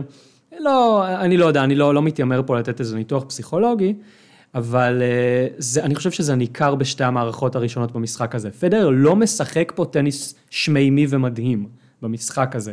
לבברינקה בהחלט יש צ'אנס, והסט הראשון הולך די און סרב. אה, אבל וברינקה במשחקון האחרון נשבר. במערכה השנייה, אה, גם וברינקה נשבר באמצע המערכה, והוא עושה שם דבר די מדהים, הוא לוקח את המחבט שלו, מצמיד לברך, ומרסק את המחבט על הברך, שובר אותו לשניים, שזה, אני חושב שזו הוצאת זעם, שהיא מצד אחד, היא מאוד נקייה, המגרש לא ניזוק, הוא לא דפק את המחבט במגרש, היא גם כל כך מרשימה, ויכול להיות שהיא הפחידה את פדרר קצת, כן? אולי בברינקה רמז באיזה אופן תת מודע לפדרר, שהוא גם ישבור אותו על הברך. זה קצת passive aggressive, הייתי אומר. אני הייתי אומר שזה aggressive aggressive. אבל וורינקה אה, חוזר מפיגור שתי מערכות ל-2-2, במערכה השלישית די דורס שם את פדרר, 6-1, וכופה מערכה חמישית. אה, נגיד, כן, איזה משהו שבעיניי הוא לא מין סיפור גדול, אבל אה, הוא היה סיפור גדול בתקשורת, פדרר כן. לוקח הפסקת שירותים, הפסקת טיפול בפציעה למעשה, בין המערכה הרביעית לחמישית. אה, אז אנחנו לא כל כך יודעים למה, כלומר בלייב אנחנו לא יודעים מה הוא עושה. אה, וזה לוקח איזה עשר דקות, הוא חוזר במערכה החמישית, אה, וברינקה נשבר במשחקון החמישי, השישי, באמצע המערכה, ופדרר מנצח בסופו של דבר. יש אחר כך קצת טררם על הסיפור הזה של ההפסקת פציעה, ופדרר אומר, תשמעו, תגידו מה שאתם רוצים, אני לא לקחתי בחיים שלי, במשך איזה עשור וחצי, בכל מקרה, אה, trainer על המגרש, זה לא משהו שאני עושה. אז אם עשיתי את זה, בואו, תנו לי ליהנות מהספק שבאמת, כן, קרה לי משהו. הוא גם אומר, מעולם לא פרשתי ממשחק, שזה גם נכון. לזכותו. נכון.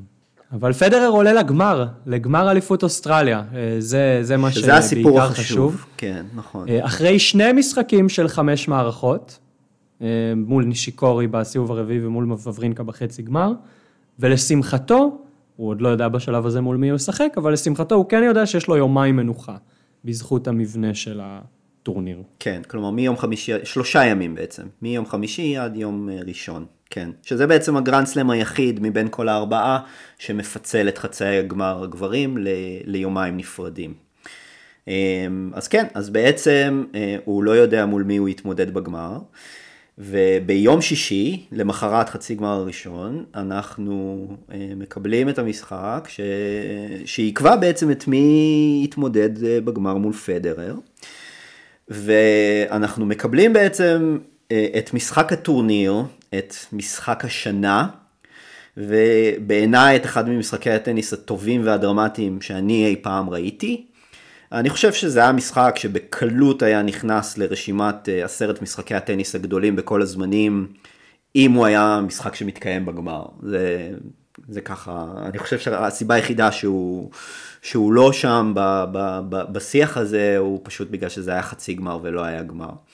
אה, אז רפאל נדל מנצח את גריגור דמיטרוב לאחר קרב אימתנים של 4 שעות 56 דקות, כלומר 4, 4 דקות מ-5 שעות, בתוצאה 6-3, 5-7, 7-6, 6-7, 6-4. עכשיו, אני חושב שלפרק, למשחק הזה עצמו, אפשר, להקדים, אפשר להקדיש פודקאסט שלם רק למשחק הזה.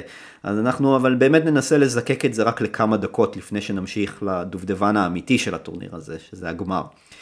אה, אז ובכן, אה, לפני המשחק הזה, המאזן head to head בין נדל לדימיטרוב הוא 7-1 לטובת נדל, כאשר הניצחון היחיד של דימיטרוב הוא בעצם המשחק האחרון ביניהם.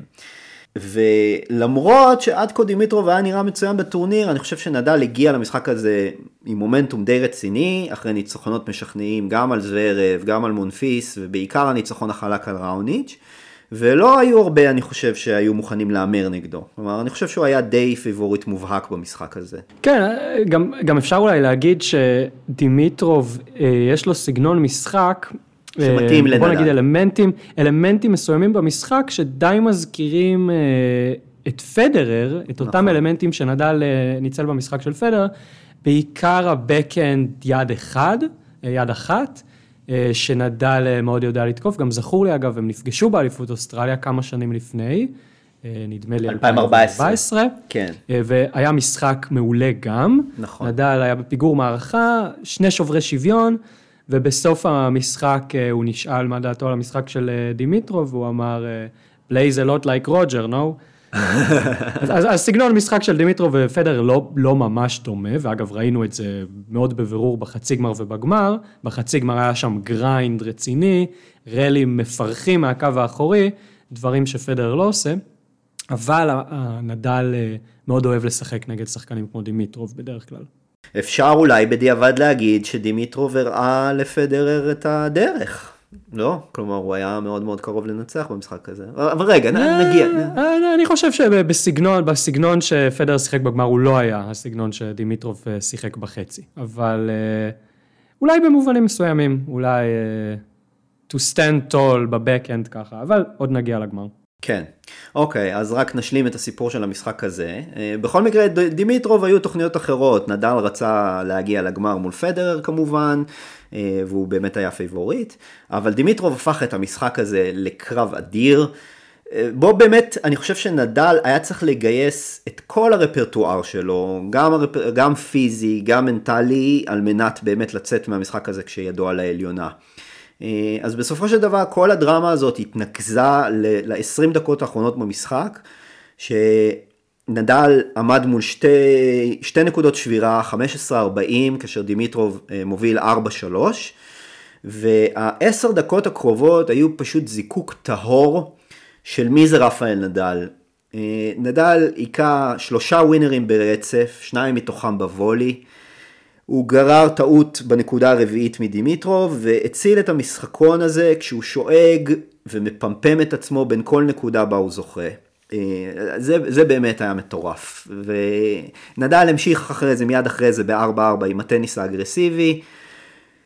בדיוק עם אותו טניס אגרסיבי שהציל אותו משחקון הקודם, שבר איתו את אה, דימיטרוב, אה, ובנקודת משחק השלישית, במשחקון האחרון, הוא סוף סוף הצליח לקחת את המשחק, והשתטח על הקרקע כאילו הוא זכה בטורניר.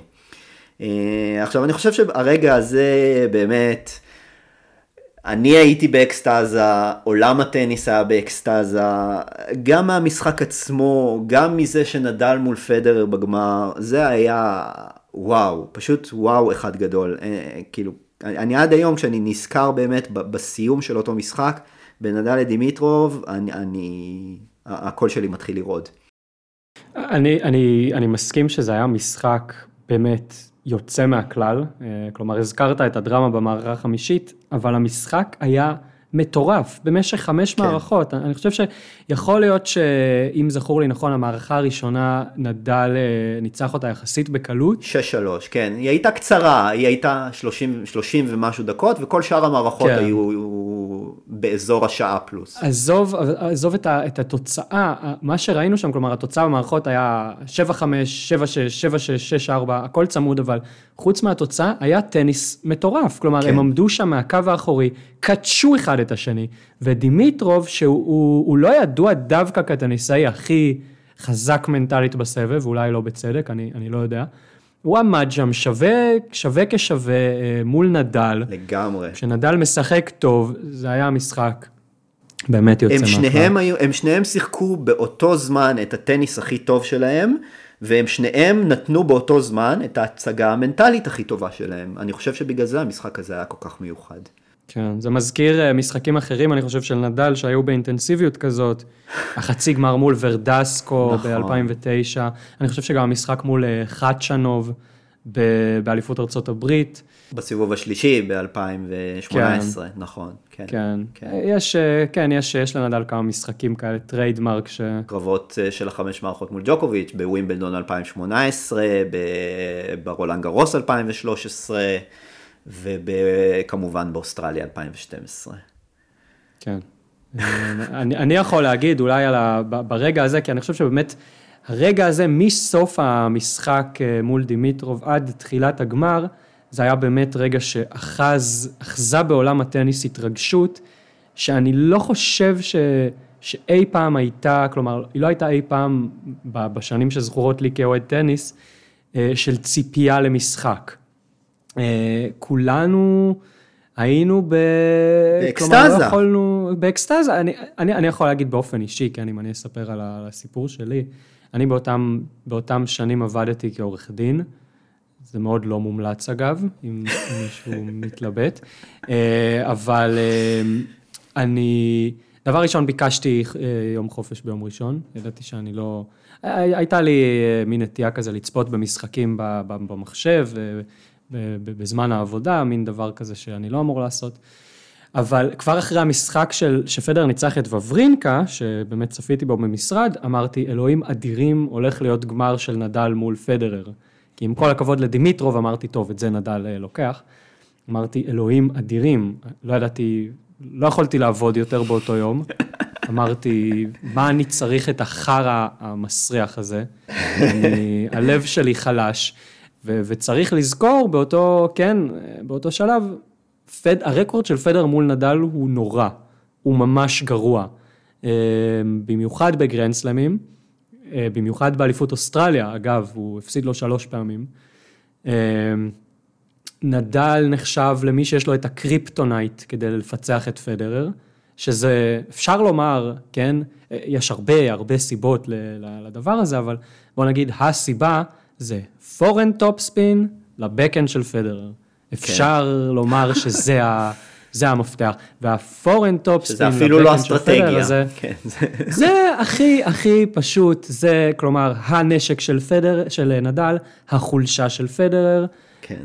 בדיוק מצ'אפ מושלם אחד מול השני, ואני אמרתי, אלוהים, מה אני צריך את החרא הזה, אני יודע שפדר הולך להפסיד. עד שלפדר יש כזה טורניר מהאגדות שהוא מגיע לגמר אחרי שלא שיחק הרבה זמן, וגם אין שם את ג'וקוביץ', את ג'וקוביץ' עצר את פדר מלזכות בתארים. אה, באמת, אני, אני חושב שלא נשמתי במשך uh, כמה ימים, במשך כל הסוף שבוע הזה.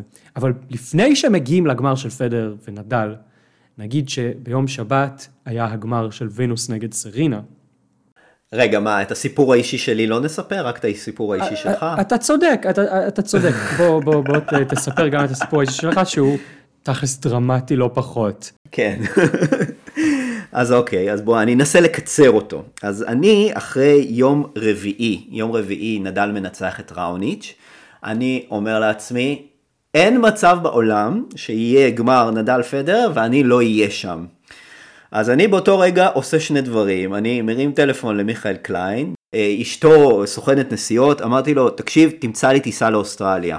תמצא לי טיסה לאוסטרליה ליום שישי בצהריים, כדי שאני אספיק להגיע לגמר, ואני אספיק לבטל אותה אם חס וחלילה נדל מפסיד בגמר, אה, בחצי גמר, סליחה. במקביל, אני נכנס לוויה גוגו, זה, אני לא אכנס לסיפור הזה, אבל תתרחקו מהחברה הזאת כמו מאש. קונה כרטיס, אני לא זוכר כבר כמה הוא עלה לי, ב-2,000 דולר, מכרתי אותו אחרי זה, לא יודע, בכפול, לא, לא, לא, לא, זוכר, תכף נגיע ללמה בכלל מכרתי אותו. מיכאל קליין חוזר אליי, יש טיסה ביום שישי, אה, אפשר לכרטס אותה עד, אה, לא זוכר עד איזה שישה, אמרתי טוב, זה ייתן לי, זה ייתן לי כמה שעות כדי לדעת אם נדל באמת אה, מנצח את דימיטרוב, ואני אוכל לדעת אם אני באמת עולה על הטיסה הזאת או מבטל את הכל. ואז הוא שואל אותי ככה כהערת אגב, ויזה יש לך, נכון? אני אומר לו, מה, מה ויזה? איזה ויזה? לא, אין לי ויזה. אין לך, אתה יודע שאתה צריך ויזה לאוסטרליה. לא, אני לא יודע. וכן, וכאן אה, החלום, החלום נופץ. ישראלים צריכים ויזה לאוסטרליה, ולוקח להוציא את הוויזה הזאת סדר גודל של חודש, אה, ואין קיצורי דרך, ואין מקרה חירום, ואין את כל הדברים האלה, כמו שאנחנו רואים, האוסטרלים מאוד מאוד קשוחים בנהלים שלהם, אנחנו רואים את זה היום בקורונה. אה, ולא נותר לי אלא אה, שליבי יישבר, הוא נשבר שוב ביום ראשון, כן, ספוילר, אבל אה, נאלצתי ללכת חזרה לאתר הנוראי של ויה גוגו ולמכור את הכרטיס, לפחות עשיתי רווח מאוד נאה במכירה שלו. אבל אני נותרתי בארץ ולא ראיתי את הגמר בין נדל לפדרר וככה הערת אגב אחרונה הטיסה הייתה אמורה לצאת לפני שהמשחק של נדל ודימיטרוב נגמר. אז כלומר, גם אם, גם אם אה, לא היה את כל הסיפור של הוויזה, אני בעצם הייתי עולה על טיסה לאוסטרליה, אני כבר לא זוכר איזה connection היה שם, כשאני לא יודע אם נדל בכלל בגמר או לא. כלומר, אני הייתי נכנס למטוס באמצע הסט החמישי.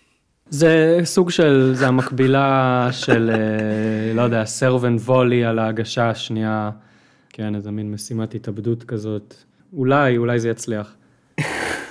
אבל אה, טוב, בסדר, וחשוב להגיד, כן, שדיברנו על ההיסטריה, אבל היו כותרות בכל העיתונים שכרטיסים לגמר עולים 20 אלף דולר, כן. כל מיני דברים אה, מהסוג הזה, כלומר, הייתה מהומה שלמה והיה לך כרטיס. כן, אני, לא אני פשוט לא חיכיתי, אני מכרתי אותו מיד באותו יום, מכרתי אותו, כאילו מיד אחרי שהבנתי שאני צריך ויזה, אז נכנסתי ומכרתי, אמרתי וואלה אם נדל חס וחלילה מפסיד, המחירים יצנחו, אז עדיף לי למכור עכשיו. איי איי איי, אז פספסת גם כמה אלפי דולרים, גם uh, זה וגם את הגמר, אבל uh, בסדר, לא, לא נורא. לא נורא, היו לך, נספר לאוהדים המודאגים שעוד היו לך רגעים שמחים עם נדל על המגרש. לגמרי, לגמרי. אמ, אז, אז, אה, אז יש לנו עוד גמר לפני הגמר של פדר ונדל, וזה הגמר של סרינה ווינוס. עכשיו, כמו שאמרנו, היריבות הזאת של סרינה ווינוס היא איזושהי מקבילה ליריבות של אה, פדר ונדל וליריבויות גדולות אחרות מההיסטוריה. גם זה גמר שהיה, אמ, כלומר, אחזה בעולם הטניס התרגשות למראה הגמר הזה, הוא היה מאוד מיוחד. סרינה היא בבירור הייתה הטניסאית הבכירה, בבירור הפייבוריטית, והיא גם ניצחה יחסית בקלות 6-4-6-4, היה משחק טוב, אבל לא קלאסיקה שתיזכר אה, לדורות, וסרינה הגיבה בהתרגשות רבה, צנחה על המגרש, זכתה בתואר הגרנדסלם ה-23 שלה, עד היום הוא האחרון, היא לא זכתה בעוד אחד אחריו. אמ, נכון, נכון להקלטת פודקאסט זה, אגב צריך להגיד, ממש בשוליים, סרינה נראית די טוב בהכנה לאליפות אוסטרליה 2021, ככה שלא בטוח שה, שהסיפור הזה יהיה האחרון. לא, בכלל לא בטוח. מה, היא הגיעה לחצי גמר של הגרנדסלם האחרון, אי אפשר אה, לשלול אותה. היא, היא, ו, והיא הגיעה מאז אותה אליפות אוסטרליה לעוד שלושה גמרים של, ארבעה, של גרנדסלם. ארבעה ארבעה, גמרים. סליחה, סליחה. ואני חושב גם חשוב לציין עוד סיפור מעניין, זה שסרינה הייתה בהיריון בזמן המשחק הזה. היא הייתה כבר לדעתי חודש שלישי, משהו כזה. ו- ווינוס הייתה אחת ממתי מעט שבכלל ידעו את זה. כן, אנחנו, כלומר, לא ידענו את זה בזמן אמת. אנחנו יודעים אה, להגיד, אחרי שהיה אחרי- הרבה טררה מסביב לזה, שהחודש, חודשיים הראשונים של ההיריון, הם, אה, הם חודשים שהגוף הנשי בו הוא פועל בצורה די מיטבית. כלומר, אה, וואלה. סרינה השתמשה ב- בסמים אה, טבעיים. לא ידעתי את זה. בטורניר הזה. אוקיי. כן, כן, זה באופן יחסי, כלומר, חוץ מהבחילות וכל הדברים שמי שהיה, מי שהייתה בהיריון ומי שליווה אישה בהיריון מכיר, יש גם יתרונות ללהיות אה, בתחילת ההיריון, וסרינה עברה את כל הטורניר הזה בלי להפסיד אפילו מערכה, שזה רק מרשים יותר, כן. וזה בעצם היה הגרנדסלם האחרון שהיא שיחקה לפני הלידה שלה. כן, והן מאוד מפרגנות שם אחת לשנייה בראיונות בסוף, וזה גם כן מאוד מאוד יפה, ו... וכן, אבל זו ככל הנראה הפעם האחרונה שנראה את הצמד הזה בגמר גרנד סלאם אחת מול השנייה. אמת. אבל צמד אחר, לעומת זאת, היה עתיד להיפגש אה, יום למחרת, ו- וזה הגמר, זה בעצם הרגע הדרמטי שכל הטורניר הדרמטי הזה התנקז אליו. אה, נגיד שהגמר הזה היה אחד ממשחקי הטניס הכי נצפים בהיסטוריה. אה, חשוב להגיד, למרות שהוא באוסטרליה, כלומר בשעות לא נוחות עבור השוק המאוד גדול של אמריקה.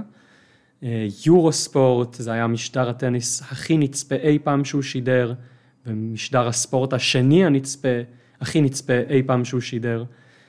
הייתה היסטריה, כמו שאמרנו, אני זוכר את ההתרגשות שלה, כלומר שהציגו את השחקנים על המגרש, הקהל כולו כבר יושב במקום, לפעמים הקהל קצת כזה מטפטף, נכון, לתוך המגרש במהלך המשחק, כולם היו דבוקים לכיסאות עוד מההתחלה. וואו, יש, יש כל כך, באמת, זה היה משחק... אה, מאיפה להתחיל? עבור, כן, אה, וקשה לדעת מאיפה להתחיל.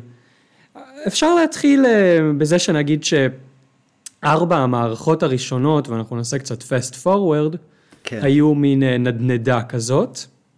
כלומר, פדרר ניצח בראשונה, נדל בשנייה, פדרר בשלישית, נדל ברביעית, וכל המערכות האלה הוכרעו לטובת מי ששבר ראשון.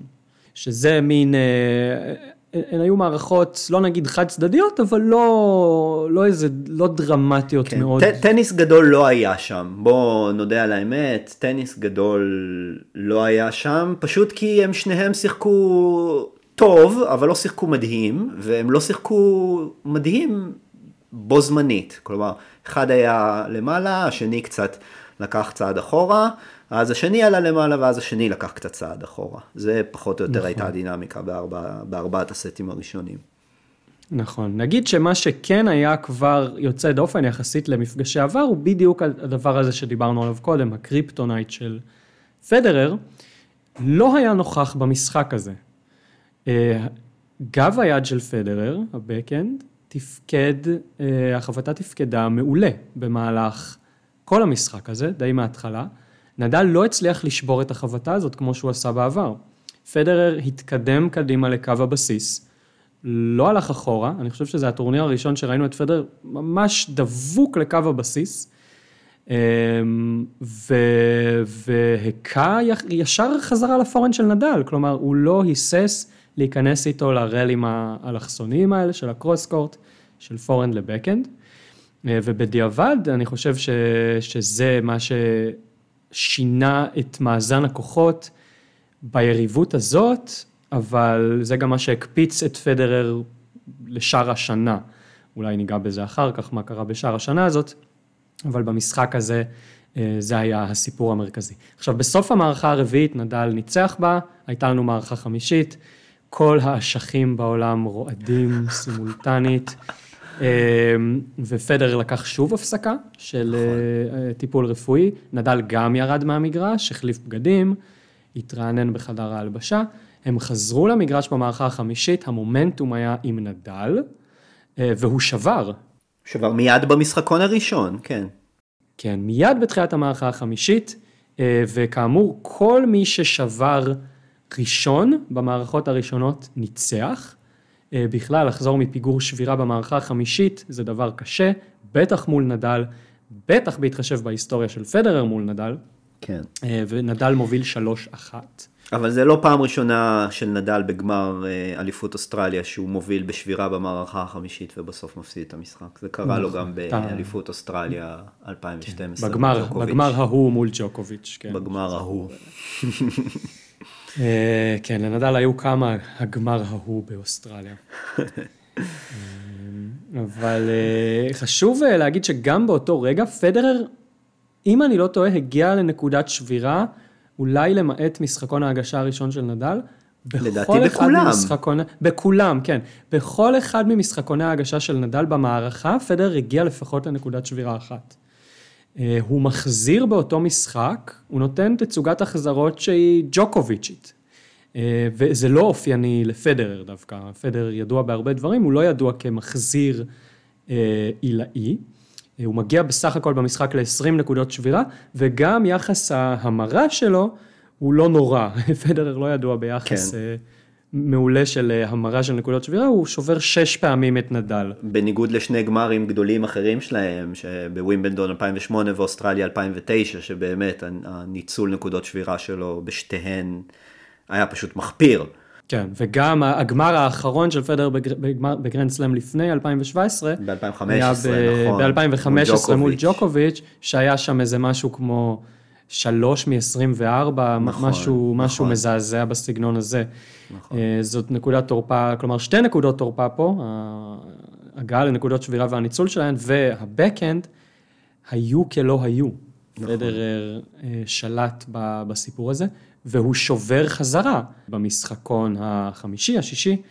מי מגיש שם ראשון? בשלוש-שתיים, בשלוש-שתיים בשלוש-שתיים, אה, כן, כן, פדרר מגיש בשישי. ראשון, אז, אז בשלוש-שתיים. כן. אה, פדרר שובר בחזרה, ובשלוש-שלוש, it's anyone's match.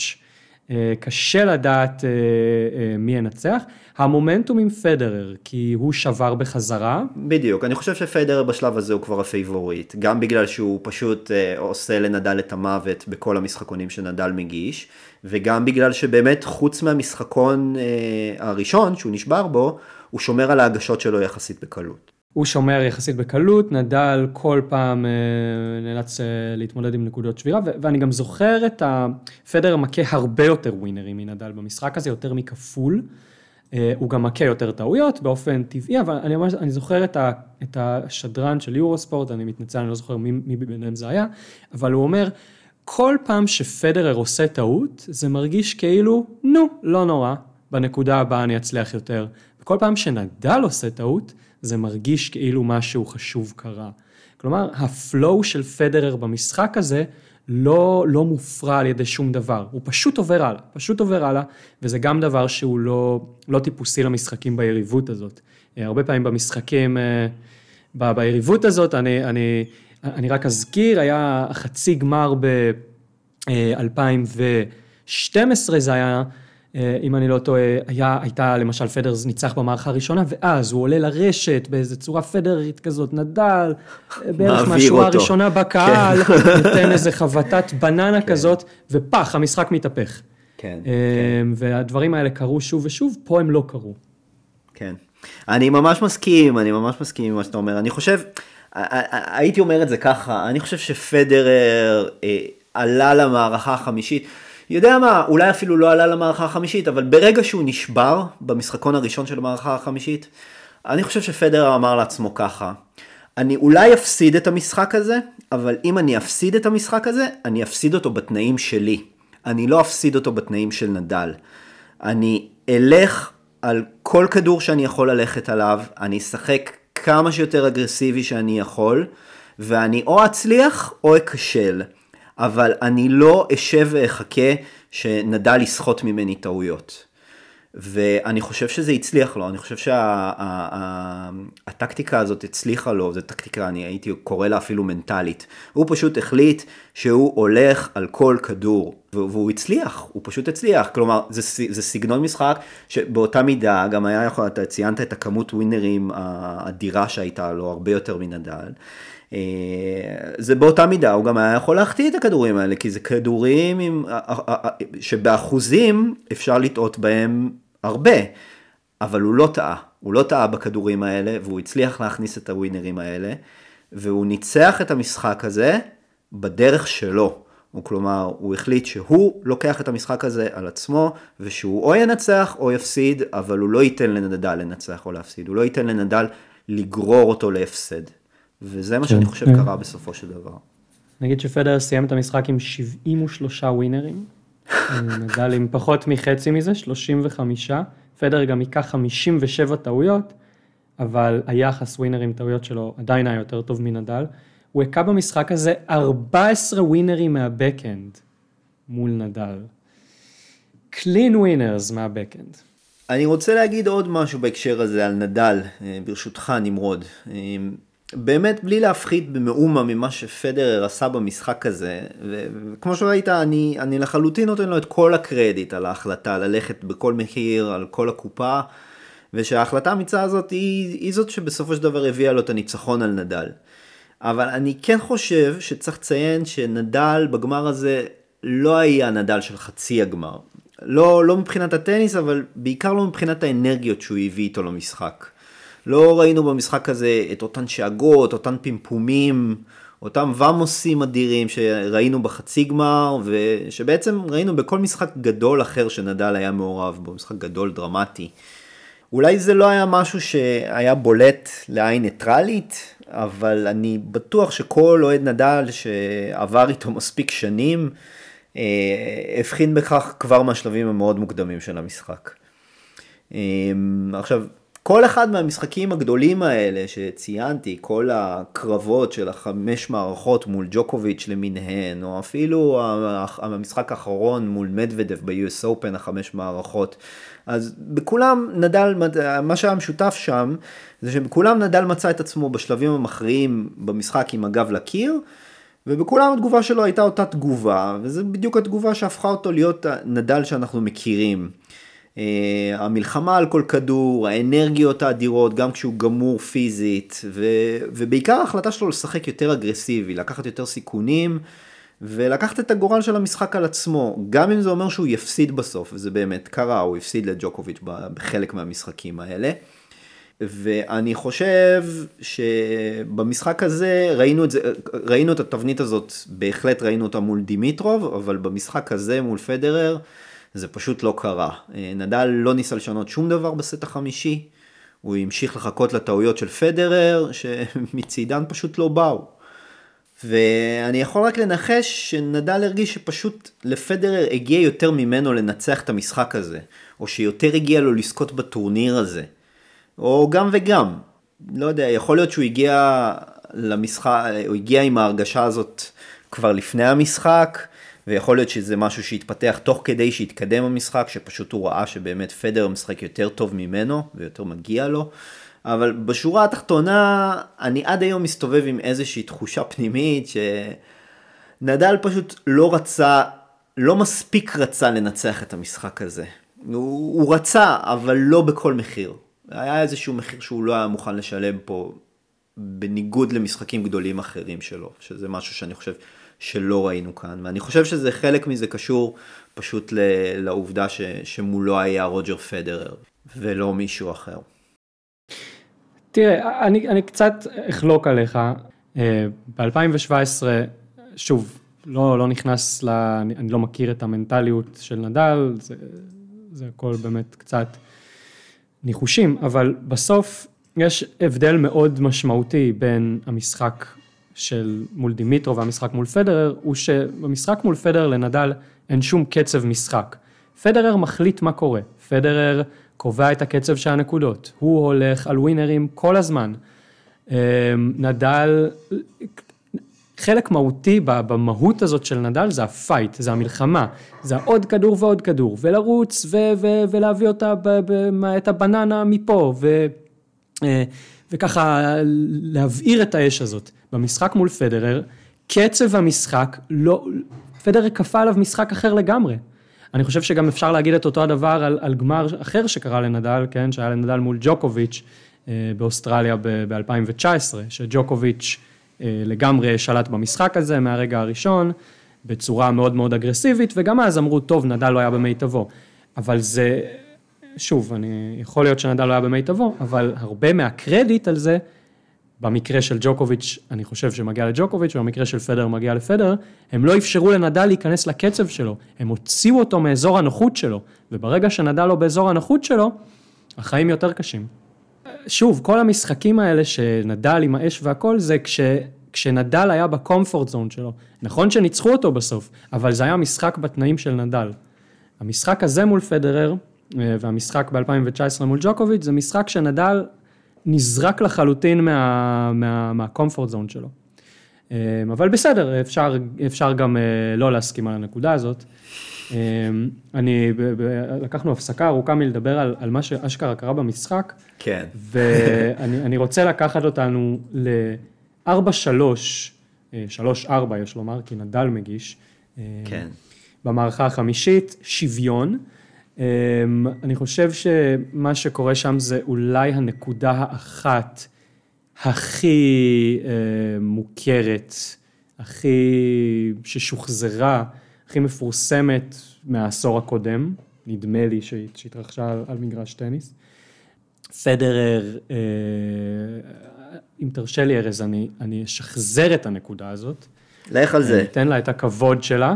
שבאמת, אה, אה, אז, אז טוב, פשוט ניגש לזה. נדל מגיש שוויון, הוא מגיש לצד של השוויון, והוא מגיש לצד ה forehand. אגב, זה מין טקטיקה כזאת שלנדל יש הרבה פעמים מול פדרר, פדרר מנחש שנדל הולך להגיש ל backhand, הוא קופץ ל backhand, ונדל מגיש ל forehand, הוא עושה את זה הרבה בהגשות שניות, ולכן אה, לנדל יש הרבה אייסים מול פדרר בהגשות שניות. בכל מקרה, פדרר קופץ ל backhand, אבל איכשהו משנה כיוון, מכה ל forehand, מכה די עמוק ויפה ל backhand של נדל, נדל תוקף, down the line, פדרר רץ, מחזיר ב slice, נדל תוקף עכשיו ל forehand, פדרר מפרפר שם בקו האחורי, מחזיר בקושי, אבל איכשהו זה עמוק, מתפתח rally, forehand ל forehand ל forehand ל forehand, עד שנדל איכשהו מגיע ל backhand של פדרר, ואז הוא חובט לשם, אבל פדרר, אנחנו אומרים כל המשחק, עם ה backhand שלו, אה, לא מפחד ללכת חזרה ל forehand של נדל, לא מפחד ללכת על זה. מכה חבטה יפה ל forehand של נדל, נדל שוב תוקף את ה backhand, אבל אז פדרר עובר למתקפה, פותח את המגרש עם בקאנד זוויתי יפה אה, לפורנד של נדל, עכשיו פתאום פדרר מתזז את נדל, נדל, פדרר חובט לפורנד של נדל, ואז לבקאנד, ואז שוב לפורנד. בחבטה הזאת נדל צריך להחזיר את הכדור מהקהל פחות או יותר, כן? איכשהו הוא מצליח להחזיר את הכדור. אה, אבוד כזה, פדרר מתחיל לחוות זוויות לבקאנד של נדל, לא כדורים עמוקים, כדורים אה, שפוגעים ב service box. שוב ושוב ושוב, בפעם השלישית נדל חובט backhand מאוד מאוד מרשים, מאוד מאוד עמוק, ל forehand של פדרר, פדרר לגמרי off guard, נשען הצידה, half volley, ותוקע את ה winner של החיים לאורך הקו, ואני יכול אה, לספר, כן, שאני צרחתי בבית. כמו אה, באמת אה, אה, אחוז טירוף, ורצתי וקפצתי על הדלת ובעטתי בה, ונשאר שם סימן שחור. הסיפור הזה כבר היה בפודקאסט, כן. אה, ו- והדופק שלי באמת היה... אני- והבת שלך אני- התחילה לצעוק, לבכות. לא, לא, ארז, אתה מבלבל לגמרי, זה היה אה. אה, בווימבלדון 2019. אה, סליחה. אה, זה, אז עוד לא נולדה הבת שלי. באוסטרליה 2017, אבל כן, בווימבלדון סליחה. 2019 השארתי סימן על הדלת שתאם לו סימן מ-2017, וזאת הייתה נקודה, וואו. חשוב להגיד שהנקודה הזאת לא הכריעה כלום, כי נדל כן, ניצח נד- בנקודה הבאה. בדיוק, זה, רציתי להיות ה party pooper, אבל אני רואה שאתה כן. ה party pooper בעצמך. נדל הציל את ה break point הזה. הציל את ה break point, אבל פדרר שבר במשחקון הזה, במשחקון הבא הוא נקלע לבור, אה, 15-40 ונקודות 15-40, שבירה, כן. אבל חזר והייתה את הנקודה, את ה match point הזה, שהכדור נחת על הקו, ונדל עשה challenge וסימן לקהל שלו, נו מה אני אעשה, מה כבר נשאר לי. אה, ופדרר ניצח, כן. אה, וזכה בתואר, זכה בתואר הגרנדסלם ה-18 שלו. והותיר את נדל אה, הרחק מאחור, עם 14. ארבעה, ארבעה מאחור, זה היה הגרנדסלם הראשון של פדרר מאז ווימבלדון 2012. כן. אחרי חצי שנה מחוץ למגרשים, אחרי הגמר הזה שהוא ללא ספק המשחק הכי איקוני של החמש שנים האחרונות, אולי עשר שנים האחרונות, תלוי את מי שואלים. אני רק אגיד שיש לי זיעה קרה בה בצ'כי, ודופק לי הלב רק, מ, רק מלדבר על הדבר הזה שקרה, ובאותו זמן אני חושב שלא ידעתי את נפשי. כלומר, התחתנתי ו- ונולדה לי ילדה, ועדיין הרגע הזה הוא בטופ. חמישה רגעים בחיים שלי, נראה לי. די. אני כל כך מבין אותך, אני כל כך מבין אותך, כי היו לי בדיוק רגעים כאלה אחרים, שאולי גם יצא לנו לדבר עליהם בהזדמנות אה, בפודקאסט הזה ביחד, אה, שקשורים לנדל. אז אני כל כך מבין ומזדהה איתך, ואני חושב גם ש... שבאיזשהו מקום גם הצלחתי להיות טיפ טיפ טיפ טיפה שמח בשביל פדרר, כי... כי באיזשהו מקום גם הניצחון שלו גם באיזשהו מקום גם החזיר את נדל ל... ל...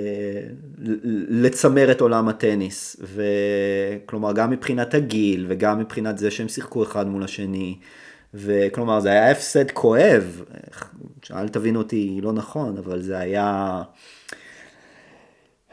זה היה turning point, זה היה לגמרי turning point בקריירה של שניהם, ו... ואני חושב, אם, אם ככה נסכם בעצם אה, גברים מול נשים, אז אני חושב שבעצם היו לנו פה שני, שתי, תפ, שתי תפניות, כאילו, כי בעצם בנשים, שתי מגמות הפוכות אחת מהשנייה, שבעוד שבסבב של הנשים, אז האליפות אוסטרליה הזו, שדיברנו עליה עכשיו כל כך הרבה, אז היא סימנה את קץ, את קץ השלטון הישן של אה, סרינה וויליאמס. אחרי, אחרי הטורניר הזה, נרשמו לא פחות מ-11 זוכות גרנדסלם שונות.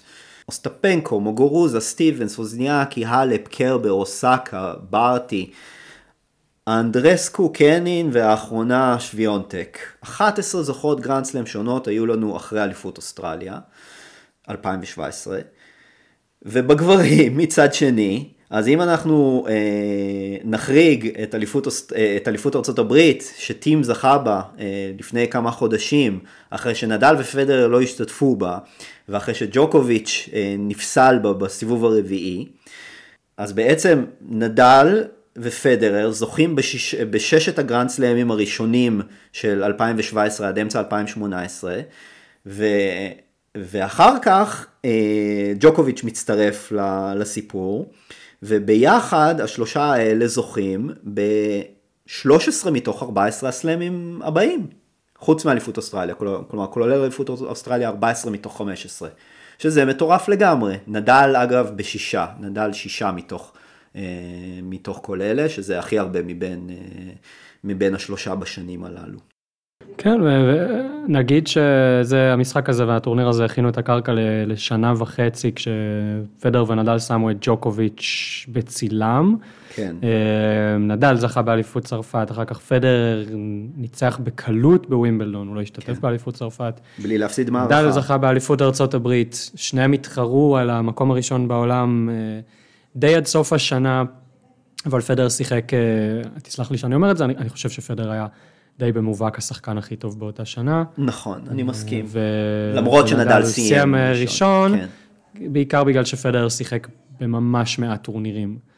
אה, כלומר, פדר ניצח אחר כך את נדל עוד שלוש פעמים אה, במהלך השנה, וגם הגיע למקום הראשון לאיזה, כאילו, לאיזה כמות זמן מצחיקה בתחילת 2018.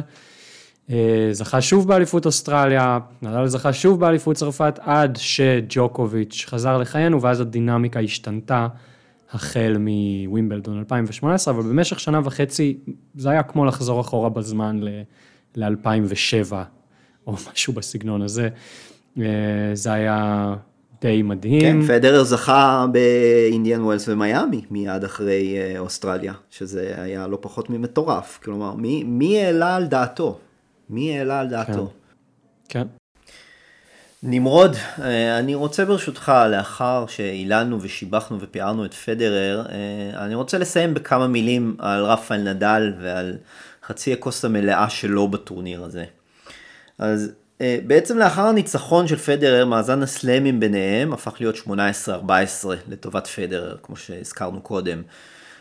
מיד לאחר המשחק, אני הייתי, אני חושב הראשון לכתוב בעמוד הפייסבוק שלי, ואני מצטט, רוג'ר פדרר, הטניסאי הגדול בכל הזמנים. הנה אמרתי את זה. סגור ציטוט. אה, לחשוב באותה עת שנדל שכבר עבר את גיל 30, ואני מזכיר שאז אה, לא היה פופולרי לשחק מעבר לגיל 30, זה משהו שהפך להיות טרנד אה, רק אחרי שפדרר באמת בגיל 35 זכה באוסטרליה ו... ומאז טניסאים מעל גיל 30 הם הטניסאים הכי טובים בעולם. אה, אז לחשוב שנדל בגיל הזה יצליח להדביק פער של ארבעה גרנד סלאמים, היה נראה באמת בלתי סביר בעליל, על גבול הדמיוני. והנה שלוש וחצי שנים לאחר מכן נדל זוכה בלא פחות משישה גרנד סלאמים בפרק זמן הזה, משתווה לפדרר בפסגת תארי הגרנד סלאם ופותח לחלוטין את אה, שאלת ה-GOAT, הטניסאי הגדול בכל הזמנים. אה, עכשיו אלו היו הארבע שנים הכי פוריות של נדל, אה, הכי מרשימות בטורנירי גרנד סלאם, הוא לא פספס אף טורניר חוץ מה-US Open האחרון שהוא פספס אותו לא בגלל פציעה אלא פשוט בגלל ענייני קורונה. הוא הגיע חוץ מווימבלדון 2017 שהפסיד שם לג'יל מולר 16-14 אה, בסט החמישי. הוא הגיע לרבע גמר לפחות בכל אחד מהסלאמים בארבע שנים הללו. והוא גם היה מועמד לזכייה בכל טורניר גרנד סלאם שהוא נכנס אליו. עכשיו אם מסתכלים על השנתיים שעברו על רפה לפני הטורניר הזה באוסטרליה, אז ההישג הכי טוב שלו בשנתיים האלה, ה-15-16, היה רבע גמר גרנד סלאם, פעמיים, ובכל השאר פחות מכך. אז ההבדל בין לפני ואחרי הוא כמעט בלתי נתפס. עכשיו, אני חושב שזה לא תהיה הנחה לא סבירה שההופעה שלו במלבורן ב-2017 היא זו שגרמה לשינוי, היא הייתה קו פרשת המים. עכשיו, מעבר לכך, וזה הכל באמת ספקולציות ביני לבין עצמי, אני מאמין שהסיבה שאנחנו חוזים בנדל בגרסה הנוכחית שלו היום, היא אולי דווקא הסיבה שבסופו של דבר הוא הפסיד לפדרר בגמר. אני חושב שמבחינתו של רפה, הפרק הכי לא שלם בקריירה שלו, זה אליפות אוסטרליה הפתוחה. ואני חושב שההפסדים באמת הכי כואבים בקריירה שלו הגיעו בתחרות הזאת, ושכל עוד הוא לא יסגור את המעגל הזה ויצליח לזכות בתואר הזה בפעם השנייה, אז משהו בו לא יהיה שלם. ואני חושב שמצד שני זה משהו שנותן לו המון דרייב להמשיך ולשחק, הרבה מעבר לשלב שהוא בעצמו חשב שהוא עוד ימשיך לשחק ולהיות תחרותי ברמות הללו. אז, אז מצד אחד אין אוהד נדל שעבורו אוסטרליה על כל גילול, גלגוליה היא פרק כואב מאוד בקריירה של נדל. ואין אוהד נדל אמיתי שלא היה מוכן לתת הכל כדי לראות את נדל זוכה בעוד תואר באוסטרליה. אה, אבל יכול להיות גם שהשברונות לב הללו הם בדיוק הסיבה שהוא עדיין בסביבה ושהוא עדיין אחד מהטניסאים הכי גדולים אה, בדורנו, אם לא הגדול מכולם. ואם רפה בסופו של דבר כן יצליח לזכות בעוד תואר באוסטרליה, אז אני רק יכול לדמיין שזה יהיה התואר גרנד סלאם האחרון בקריירה המפוארת שלו. אשרי המאמין. אה, טוב, ופה אני חושב אה, מגיע לסיומו השחזור שלנו של אליפות אוסטרליה 2017. כמה ימים לפני שמתחיל אה, הטורניר הבא עלינו לטובה, הגרנד סלאם בצל הקורונה. ואנחנו יכולים רק לקוות שהטורניר השנה יהיה דומה, יזכיר, יהדהד את הדרמה ההיא, אה, ושנזכה לעוד טורנירי גרנד סלאם כאלה. כן, אז אני גם אגיד לך, אשרי המאמין על זה, כי לי קשה להאמין שאנחנו נראה עוד שחזור של כזה גרנד סלאם. כן, אני כבר אין לי קול, אנחנו, גם מרוב שאנחנו מדברים וגם מרוב ההתרגשות של לחוות את כל זה מחדש, אני באמת, הלך לי הכל. טוב, ארז, תודה רבה לך, היה תענוג. היה תענוג, היה כיף גדול. אנחנו, יש לי הרגשה שעוד נדבר. יש לי הרגשה גם. תודה לכל מי שהאזין. יש כוח גדול. יש כוח עצום. תודה לכל מי שנשאר איתנו עד הסוף, זה בכלל, אני חושב, הקרדיט הכי גדול. שווה ערך לגרנד סלאם. כל טוב.